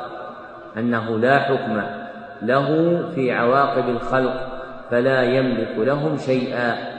فلا يملك لهم شيئا. بل الحكم لله الواحد القهار. وإذا كان هذا منفيا عنه فنفيه عن غيره اولى فليس أحد من الأنبياء والملائكة والصالحين والشهداء وغيرهم من الأجناس الفاضلة قادرا على أن يتصرف بالحكم على أحد بما يكون إليه في الآخرة من دار القرار أي إلى الجنة أم إلى النار. نعم. فيه مسائل. الأولى تفسير الآيتين. الثانية قصة أحد. الثالثة قنوت سيد المرسلين وخلفه سادات الأولياء يؤمنون في الصلاة. الرابعة أن المدعو عليهم كفار الخامسة أنهم فعلوا أشياء لا يفعلها غالب الكفار. منها شدهم نبيهم وحرصهم على قتله ومنها التمثيل بالقتلى مع أنهم بنو عمهم. السادسة أنزل الله عليه في ذلك ليس لك من الأمر شيء. السابعة قوله أو يتوب عليهم أو يعذبهم فتاب عليهم وآمنوا. الثامنة القنوت في النوازل. التاسعة تسمية المدعو عليهم في الصلاة بأسمائهم وأسماء آبائهم. العاشرة لعن المعين في القنوت. الحادية عشرة قصته صلى الله عليه وسلم لما أنزل عليه وأنذر عشيرتك الأقربين. الثانية عشرة جده صلى الله عليه وسلم في هذا الأمر بحيث فعل ما نسب بسببه إلى الجنون وكذلك لو يفعله مسلم الآن. الثالثة عشرة قوله للأبعد والأقرب لا أغني عنك من الله شيئا. حتى قال يا فاطمة بنت محمد لا أغني عنك من الله شيئا. فإذا صرح وهو سيد المرسلين أنه لا يغني شيئا عن سيدة نساء العالمين. وآمن الإنسان بأنه لا يقول إلا الحق ثم نظر فيما وقع في قلوب خواص الناس اليوم تبين له ترك التوحيد وغربة الدين. باب قول الله تبارك وتعالى حتى إذا فزع عن قلوبهم قالوا ماذا قال ربكم؟ قالوا عندك الشيخ عيسى تبارك وتعالى؟ خليك في النص عشان ما يسقط من الشيء. باب قول الله تعالى حتى إذا فزع عن قلوبهم قالوا ماذا قال ربكم؟ قالوا الحق وهو العلي الكبير. مقصود الترجمة تأكيد بيان البرهان التوحيدي المتقدم. تأكيد بيان البرهان التوحيدي المتقدم. وهو قدرة الخالق وعجز المخلوق. وهو قدرة الخالق وعجز المخلوق فأعاده المصنف تأكيدا فأعاده المصنف تأكيدا لأن أعظم الشرك إنما يسري في قلوب الخلق باعتقادهم القدرة في مخلوق فإن أكثر الشرك إنما يسري في قلوب الخلق باعتقادهم القدرة في مخلوق. والفرق بين هذه الترجمة وسابقتها في بيان هذا البرهان من وجهين. أحدهما أن المضروب مثلا أن المضروب عجزه مثلا. في هذا الباب هم الملائكة المقربون. أن المضروب عجزه مثلا في هذا الباب هم الملائكة المقربون. وأما في الباب السابق فالمضروب عجزه مثلا هو المعظم عند المسلمين وهو رسول الله صلى الله عليه وسلم والمعظم عند المشركين وهي اوثانهم والمعظم عند المشركين وهي اوثانهم والآخر أن هذه الترجمة تتعلق ببيان عجز مخلوق سماوي. أن هذه الترجمة تتعلق ببيان عجز مخلوق سماوي. هم من؟ الملائكة. والترجمة السابقة تتعلق ببيان عجز مخلوق أرضي. والترجمة السابقة تتعلق ببيان عجز مخلوق أرضي. وهو الرسول صلى الله عليه وسلم واوثان المشركين وأصنامهم. ومن لطائف الإفادات أن أول شرك في مخلوق سماوي هو شرك قوم إبراهيم لما كانوا يعتقدون في الأفلاك والأجرام السماوية. وأول شرك أرضي هو شرك قوم نوح فيما اعتقدوه في الصالحين الخمسة ونصبوا لهم تماثيل عبدوها من دون الله عز وجل.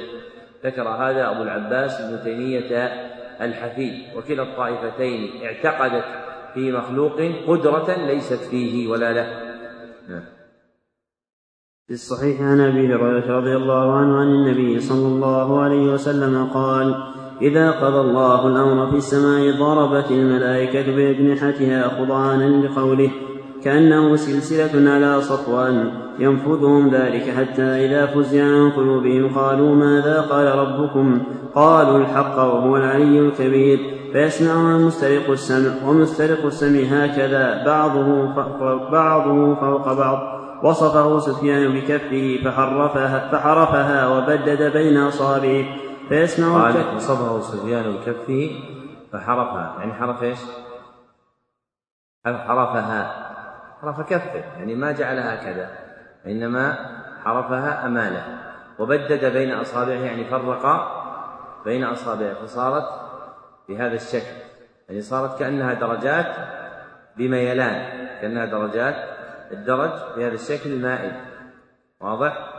من اللطائف أن الله سبحانه وتعالى لم يجعل استراقهم للسمع مستقيما.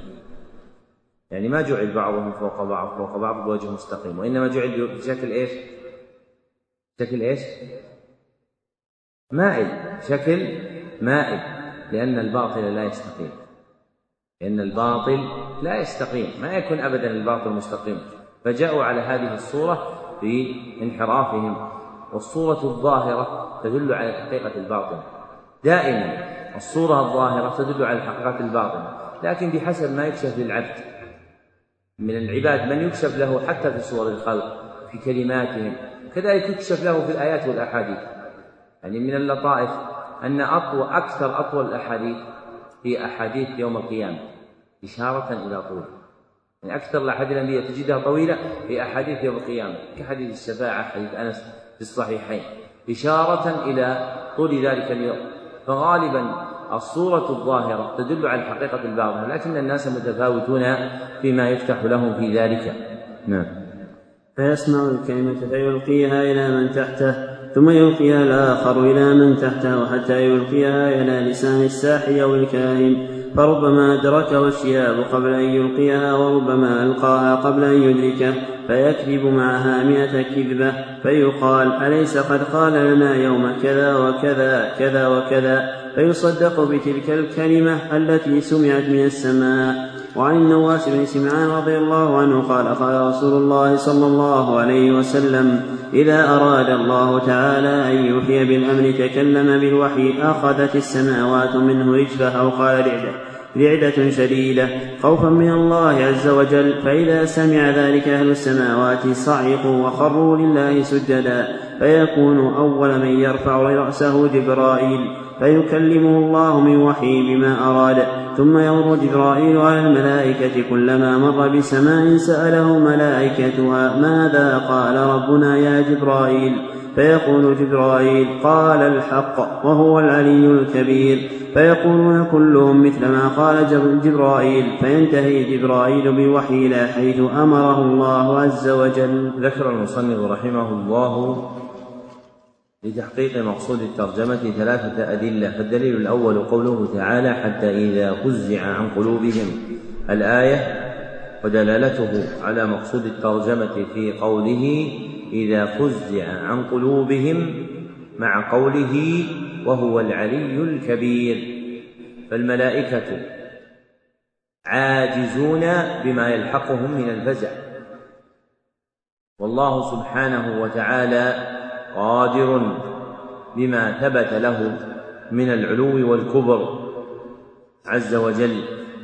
والدليل الثاني قوله حديث أبي هريرة رضي الله عنه عن النبي صلى الله عليه وسلم قال إذا قضى الله الأمر في السماء الحديث متفق عليه ودلالته على مقصود الترجمة في قوله حتى إذا فزع عن قلوبهم مع قوله وهو العلي الكبير.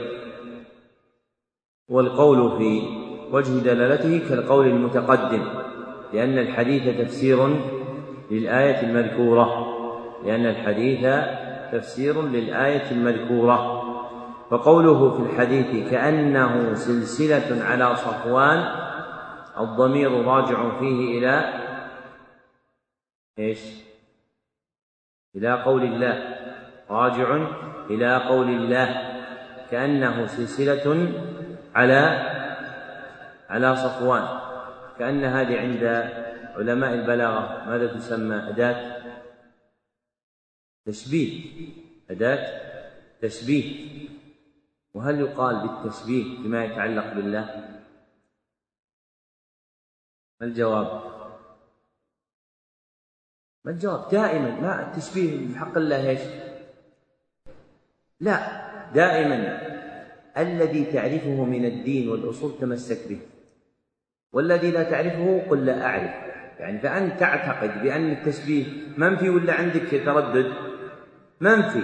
بقي أن تنظر في معنى الحديث. أما الأصل التشبيه منفي. طيب ما وجه هذا الحديث يا عبد الرحمن؟ سن تشبيه للسماع بالسماع لا المسموع بالمسموع. أي تشبيه ما يقع في الآذان من السماع. أنه كأنه بمنزلة ما يقع فيها عند سماع السلسلة التي تجر على صفوان يعني على على صخر.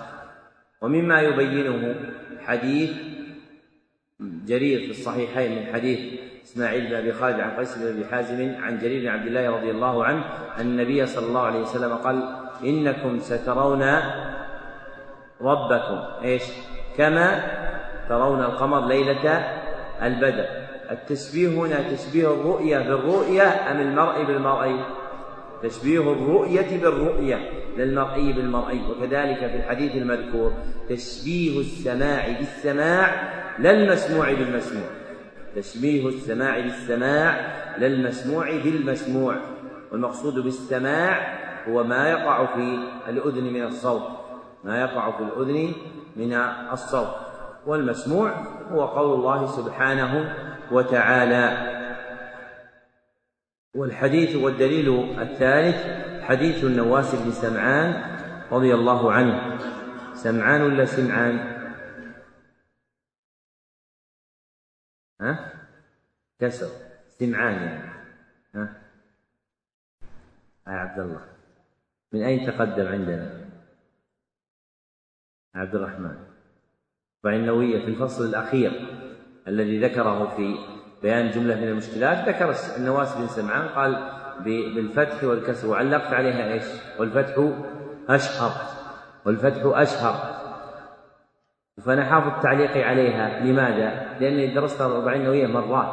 كذلك أنت إذا درستها مرات سيكون محفوظا عندك ربما الآن تسهو عنه لكن إذا كررت هذا العلم اللازم لك سيكون عندك مثل الفاتح. فذكرنا أن النووي رحمه الله قال بالفتح والكسر وذكرنا أن الفتح أشهر فيقال سمعان وسمعان والفتح أشهر. حديث النواس بن سمعان رضي الله عنه قال قال رسول الله صلى الله عليه وسلم إذا أراد الله تعالى أن يوحي بالأمر الحديث رواه ابن أبي عاصم في كتاب السنة والبيهقي في الأسماء والصفات رواه ابن أبي عاصم في كتاب السنة والبيهقي في الأسماء والصفات وإسناده ضعيف. ودلالته على مقصود الترجمة في قوله فإذا سمع ذلك أهل السماوات صعقوا وخروا لله سجدا مع قوله وهو العلي الكبير. فوصف الملائكة بما يدل على عجزهم ووصف الله بما يدل على قدرته. ووصف الملائكة بما يدل على عجزهم ووصف الله عز وجل بما يدل على قدرته. نعم. فيه مسائل الأولى تفسير الآية الثانية ما فيها من الحجة على إبطال الشرك خصوصا من خصوصا من من تعلق على الصالحين وهي الآية التي قيل إنها تقطع عروق الشجرة الشرك من القلب. قوله رحمه الله وهي الآية التي قيل إنها تقطع عروق شجرة الشرك من القلب يعني قوله تعالى قل ادعوا الذين زعمتم من دون الله لا يملكون مثقال ذرة في السماوات ولا في الأرض وما لهم فيهما من شرك وما له منهم من ظهير. فهذه الآية تقطع عروق الشرك من وجوه أربعة. أولها نفي الملك عن معبوداتهم. نفي الملك عن معبوداتهم في قوله لا يملكون مثقال ذرة. في قوله لا يملكون مثقال ذرة والذرة هي إيش؟ هي الوحدة الدقيقة للمخلوقات التي أصلها النواة رأيكم؟ عن عبد الرحمن ما هي؟ النملة طيب ليش ما تكون الذرة هذه اللي يعرفونها الآن لأن هذا هذه الذرة. الله عز وجل ما يخاطب ما يخاطب الخلق بما لا يعرفون. هذا باب يعني باب ما يسمى بالإعجاز العلمي وعليه مؤاخذات كثيرة في اسمه وفي حقيقته. ليس هذا محل بيانها. لكن جعلوا مخاطبة الله أن الله خاطب من نزل عليهم القرآن بما لا يعرفون. يعني كأنه عندما قال فمن يعمل مثقال ذرة خيرا يره ومن يعمل مثقال ذرة شرا يره كان خاطبهم بذرة ما يعرفونها هي الذرة التي اكتشفوها مؤخرا. هذا لا يمكن. إنما خطبهم بما يعرفون وهي الذرة التي هي النملة الصغيرة. فيكون في في الآية المقصود الذرة النملة الصغيرة وثانيها نفي كونهم شركاء لله في ملكه. نفي كونهم شركاء لله في ملكه كما قال وما لهم فيهما من شرك. يعني لا شرك لهم في ملك الله لا في السماوات ولا في الأرض. وثالثها نفي إعانتهم له. نفي إعانتهم له لقوله وما له منهم من ظهير يعني معين. فهم لا يملكون ولا يشاركون ولا يعاونون. ما إيش باقي لهم؟ اللي يتوهم عند أصحابهم. أحسن. ورابعها أن الشفاعة لا تنفع عند الله إلا لمن أذن له. ورابعها أن الشفاعة لا تنفع عند الله إلا لمن أذن له كما قال في الآية بعدها ولا تنفع الشفاعة عنده إلا لمن أذن له. فلما انتفت هذه الأمور الأربعة انقلعت معها عروق الشرك من القلب. لأن من وعى حقيقتها لم يبقى في قلبه اعتقاد التوجه والتعظيم لغير الله عز وجل لأنه لا يملك ولا يشارك في الملك ولا يعين عليه ولا يبتدئ بالشفاعة عند الملك سبحانه إلا بإذنه فلا يصلح أن يجعل له شيء من التأليه والتعظيم والحب والخضوع. نعم. الثالثة تفسير قوله قالوا الحق هو العلي الكبير. الرابعة سبب سؤال من ذلك. الخامسة أن جبريل يجيبهم بعد ذلك بقوله قال كذا وكذا. السادسة ذكر أن أول من يرفع رأسه جبريل. السابعة أنه يقول لأهل السماوات كلهم لأنهم يسألونه. الثامنة أن الغشي يعم أهل السماوات كلهم. التاسعة ارتجاف السماوات لكلام الله. العاشرة أن جبريل هو الذي ينتهي بالوحي إلى حيث أمره الله. الحادية عشرة ذكر استغراق الشياطين. الثانية عشرة صفة ركوب بعضهم بعضا. الثالثة عشرة سبب إرسال الشهب سبب إرسال الشهاب. الرابعة عشرة أنه تارة يدركه الشهاب قبل أن يلقيها وتارة يلقيها في أذن وليه من الإنس قبل أن يدركه. الخامسة عشرة كون الكائن يصدق بعض الأحيان. السادسة عشرة كونه يكذب معها مئة كذبة. السابعة عشرة أنه لم يصدق كذبه إلا بتلك الكلمة التي سمعت من السماء. الثامنة عشرة قبول النفوس للباطل كيف يتعلقون بواحدة ولا يعتبرون بمئة. التاسعة عشرة كونهم يلقي بعضهم على بعض تلك الكلمة ويحفظونها ويستدلون بها. العشرون إثبات الصفات خلافا للمعطلة. الحادية والعشرون التصريح بأن تلك الرجفة والغشي خوف من الله عز وجل. الثانية والعشرون أنهم يخرون لله سجدا. باب هذا آخر البيان على هذه الجملة من الكتاب ونستكمل بقيته في الأسبوع القادم إن شاء الله. هذا سائل يقول قوله صلى الله عليه وسلم على لسان الله جل وعلا. وهذا خطأ لأن اللسان لا يكون صفة لله لعدم ورود الدليل به وهو أراد أنه حديث إلهي. قوله صلى الله عليه وسلم في الحديث الإلهي ثم أتيتني لا تشرك بي شيئا. هل المقصود بالشرك الشرك الأكبر أم الشرك بنوعيه بل المقصود الشرك بنوعيه لأن شيئا نكرة وقعت في سياق النفي فتعم. فيكون بريئا من الشرك الأكبر والأصغر كله. ويقول هل صحيح أن الشرك إذا ورد في النصوص الشرعية والأمثل أن يقول في الأدلة الشرعية؟ لأن النصوص اصطلاح علماء الجدل ثم شهر لكن الأولى أن يقول في الأدلة الشرعية. متصلا بأل هل يدل على أنه يشمل الشرك الأصغر والأكبر؟ بل إذا ورد الشرك والكفر على هذا البناء فالمراد به الشرك الأكبر. ذكره أبو العباس ابن تيمية الحفيد في اقتضاء الصراط المستقيم. ووجهه أن ال إذا قارنت المصدر كانت للدلالة على استيفاء المعنى المستكن فيه. فإن المصدر يستكن فيه حدث وزمن. فالحدث الذي فيه هو الفعل الذي نسب إليه فإذا قلنا الشرك فالفعل الشرك وإذا قلنا الإسلام فالفعل الإسلام إذا قلنا التوحيد فالفعل التوحيد فيكون موضوعا للدلالة على انغماس ذلك الفعل في المصدر فيكون عاما جميع أفراده فمثلا حديث بين الشرك بين العبد والشرك أو الكفر المراد به إيش؟ الأكبر أم الأصغر؟ الأكبر لأنه محلا بأل وهو مصدر أشرك يشرك إيش؟ إشراكا وشركا إشراكا وشركا فيكون للأكبر ومحل هذه القاعدة إذا اقترنت أل بإيش؟ بإيش؟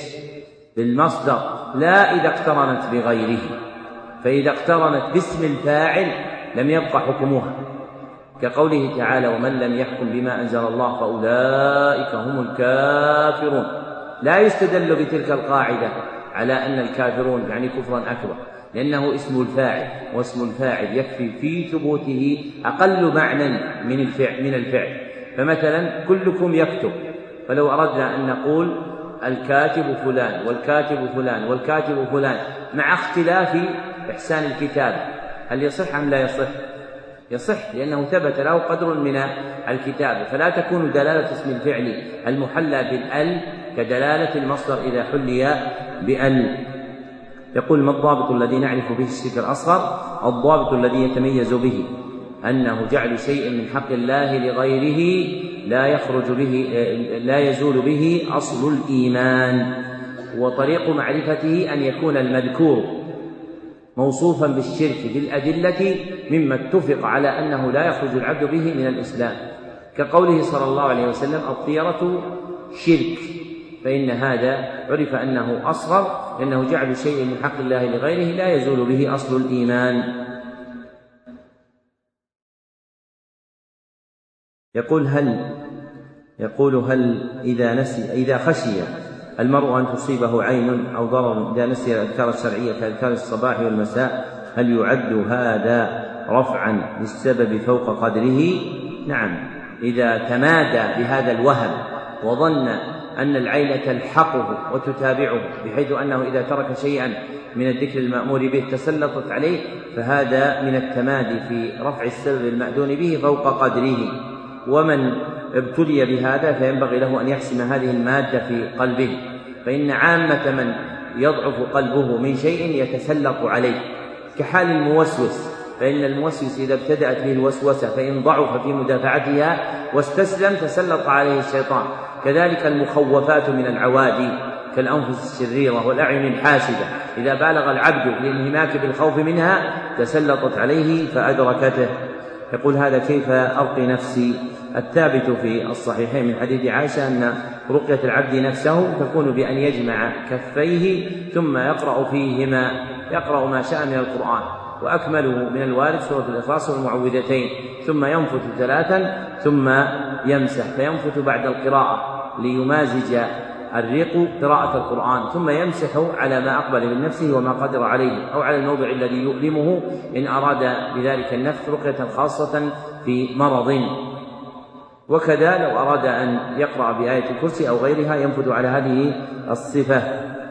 يقول كيف يعلم نوع التعلق في التميمة القرآنية؟ هل هو للتعليق أم للمعلق؟ الأصل فيه كونه للتعليق وأما كونه للمعلق مما ذكر العلامة ابن باز أنه يكون شركا أيضا يكون من جنس الشرك الأصغر محله إلى الفاعل إذا استبان منه هذا القصد. قيل بأن هذا الفعل شرك أصغر. وكذلك إذا كانت قرينة تدل على إرادة ذلك. كالذي يضع المصحف في السيارة لا يقرأ فيه. فهذا إنما يريد صورة التعليق. يريد أن هذا المصحف يكون حافظا للسيارة فيقع في الشرك الأصغر. يقول هذا أنا طالب بالمستوى الأول في قسم الشريعة وندرس الروض وغير ذلك من الكتب المطولة ولم ندرس الأصول في العلوم الأخرى فماذا تنصحني؟ أنصحك بأن تجمع بين أمرين.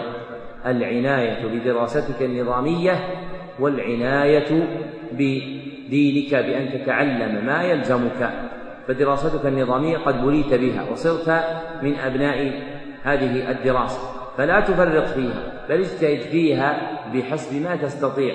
ولكن احرص على معرفة دينك الذي يلزمك مما هو مدون في المتون المختصرة. فاحرص على تعلمها واجمع بينهما واجتهد واسأل من الله عز وجل التوفيق وإياك من الركون إلى أحدهما دون الآخر فمن الناس من يركن إلى هذه الدراسات فيضيع ما يلزمه من علم دينه ومن الناس من يقابله فيقبل على ما ينفعه ويفرط الدراسة النظامية التي ألزمه بها أهله أو هو ألزم نفسه بها.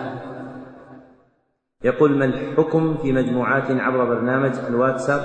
يوضع فيها وجه من القرآن يوميا والمشارك في المجموعة يوضع علامة بقراءة الوجه وهذا وهذا من باب التعاون وعدم هجر القرآن. إن أريد بذلك التذكير أحيانا فلا بأس. وأما جعله عادة مضطردة فلا لأن الأصل في الأعمال الصالحة إخفاؤها. ما لم تأمر الشريعة بإعلانها. فمثلا الصلوات الخمس المكتوبة أمر بإعلانها في الصلاة في المساجد جماعة. وما عداها فالأصل فيه السر. ومثل هذا يخالف هذا الأصل. لكن يستباح منه ما يكون إعانة وتذكيرا. فإذا أريد تعويد النفس والمعاونة على ذلك في حال الابتداء في الإقبال على الخير فلا بأس أما جعله عادة وديدانا مضطردا فإنه شبيه بالتوقيف على غير ما ورد.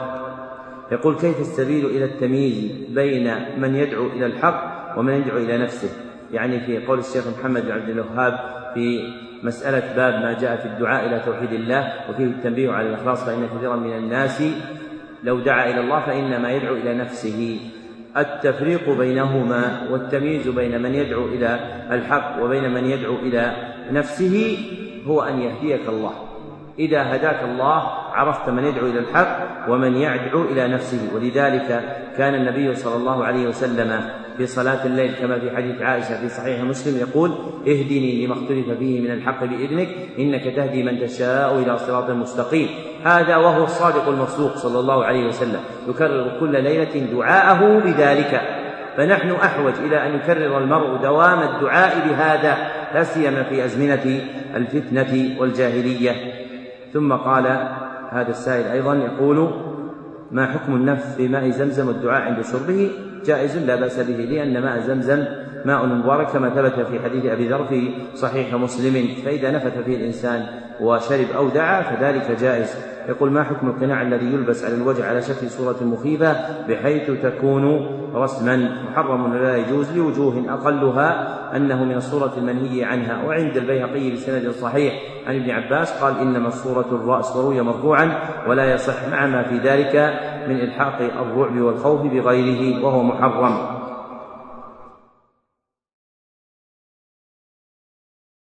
هذا يقول ما هي حقيقة البراءة من المشركين؟ هل تكون بإبعاد بالإبعاد عنهم بالقلوب أو بالأبدان أو بكليهما؟ اللازمة بالقلوب والكاملة اجتماعهما بالقلوب والأبدان. وأما إن كان الإنسان في بلد فيه كفار رجع الأمر إلى مسألة الهجرة التي قررناها في ثلاثة الأصول أنه إذا لم يكن قادرا على إظهار دينه وجب عليه أيضا أن يبعد عنهم بالبدن. أما إذا كان قادرا على إظهار دينه جاز له البقاء هناك. يقول ما هو الأفضل؟ الأخذ بالأسباب الشرعية أو القدرية أو الأفضل الجمع بينهما. إذا اجتمع في موضع واحد جمع بينهما. أما إذا انفرد فكل واحد منهما يستعمل في محله. لكن إذا كان الموضع موضعا يجتمع فيه الشرع والقدر كالمرض. فالمرض من الشرع النفع على النفس ورقيتها. ومن القدر هذه الأدوية. فيجمع بينهما الإنسان والاقتصار على القدر دون الشرع فيه ضعف إيماني توحيدي. فالإنسان الذي يفزع إلى الأدوية القدرية ولا يدعو الله ولا ينفذ على نفسه في إيمانه ضعف ورقة. يقول ما حكم الرقية الجماعية؟ راق يقرأ على مجموعة في وقت واحد. هذا جائز. إذا أراد أن يرقي على جماعة أمامه يرقي وينفث عليهم بحيث تصيبهم هذه هذه النفثات جائز. إذا كان أمام اثنين أو ثلاثة أو أربعة ثم يقرأ القرآن وينفذ بما يصيب هؤلاء هذا جائز. وأما كان يجلسهم بعيد عنه ثم يقرأ بالميكروفون هذا ليس رقية هذا إسماع القرآن الكريم. لأن الرقية تكون فيها النفث. يقول هل قطع تميمة من إنسان خاص بأهل السلطة؟ يعني الولاية. وإذا كان الجواب بلا ألا يخالف من يقول بأن الإنكار باليد خاص بما له من الولاية؟ يعني أثر حذيفة رضي الله عنه. السلطة تكون نوعان حقيقية وحكمية. حقيقية من تنسب إليه وحكمية كأن يكون معظما من عالم أو صالح أو صحابي فيقبل الناس منه. فحذيفة عندما فعل ذلك لا يراجعه الرجل فيما فعل. أنه أمر غير مقبول منه لأن الناس كانوا يقبلون من أصحاب النبي صلى الله عليه وسلم. هذه آخر الأسئلة في هذا المجلس. إن شاء الله نجيب على الأسئلة الباقية في المجلس الآخر. هذه نتائج اختبار الأربعون النووية. قبل أن أذكر الاختبار نبه إلى أمر مهم. الدرس الأخير كان إيش؟ كان آخر درس لنا كتاب التوحيد. متى؟ قبل أسبوعين. وكان عندنا فيه إيش؟ اختبار. فلما كنت أتكلم في الاختبار أكثر الإخوان قاموا وخرجوا. ولو كان في الجامعة ما خرجوا. ينتظرون حتى يخرج الدكتور مع القاعة ثم بعد ذلك يخرجون. لماذا؟ لأن أكثر الناس محجوبين عن حقيقة العلم الشرعي. فهم صاروا العلم النظامي يلتزمون ما ينبغي. والعلم الشرعي لا. ما يلتزمون لأنه صار عبث. وهذا مما لا ينبغي. الإنسان إذا حضر مجلس علم من أدبه ألا ينصرف إلا بانصراف من فيه. أما أن نكون بعضنا جالس وبعضنا خارج وبعضنا يتحدث في آخر المسجد وين جماعة المسلمين؟ وين صورة الجماعة؟ وإن العلم ولزوم الصلوات في المساجد تعين الناس على اجتماعهم وألفتهم؟ اختلاف الأحوال الظاهر ينتج اختلاف الباطن. وهذا لما صار غير مرعي عند الناس صار يأتي طالب العلم ويشوف زميلة الدرس ثم يمر معه في القاعة في الجامع في الطريق في الجامعة ما يسلم عليه لأنه مو من زملاء القاعة. زملاء القاعة سلم عليهم. صبحكم الله بالخير كيف الحال؟ واحد يدرس معه في المسجد ثلاث سنوات. تجده إن إن كان طيب من بعيد سلم عليك كذا. طيب ليه؟ هذا العلم الذي يرجى أن يكون لله. وأما علم الجامعات تخاف أن يكون لغير الله. فينبغي الإنسان أن يعرف حق العلم الحقيقي الذي هو العلم الذي يتطوع الإنسان بطلبه لا يفرض عليه وهو العلم الذي لا يعطى عليه درجة ولا شهادة ولا وظيفة. فينبغي الإنسان يعرف هذا الحق لينتفع بعلمه لأنه إذا لم يعرف هذا الحق لا ينتفع بعلمه. قال يوسف بن الحسين بالأدب تفهم الحلم بالأدب تفهم العلم. وأنا أقول بالأدب تنتفع بالعلم. إذا صار الإنسان متأدب عارفا آداب العلم وأحكامه نفعه الله بالعلم وصار له أثر في حاله وقاله.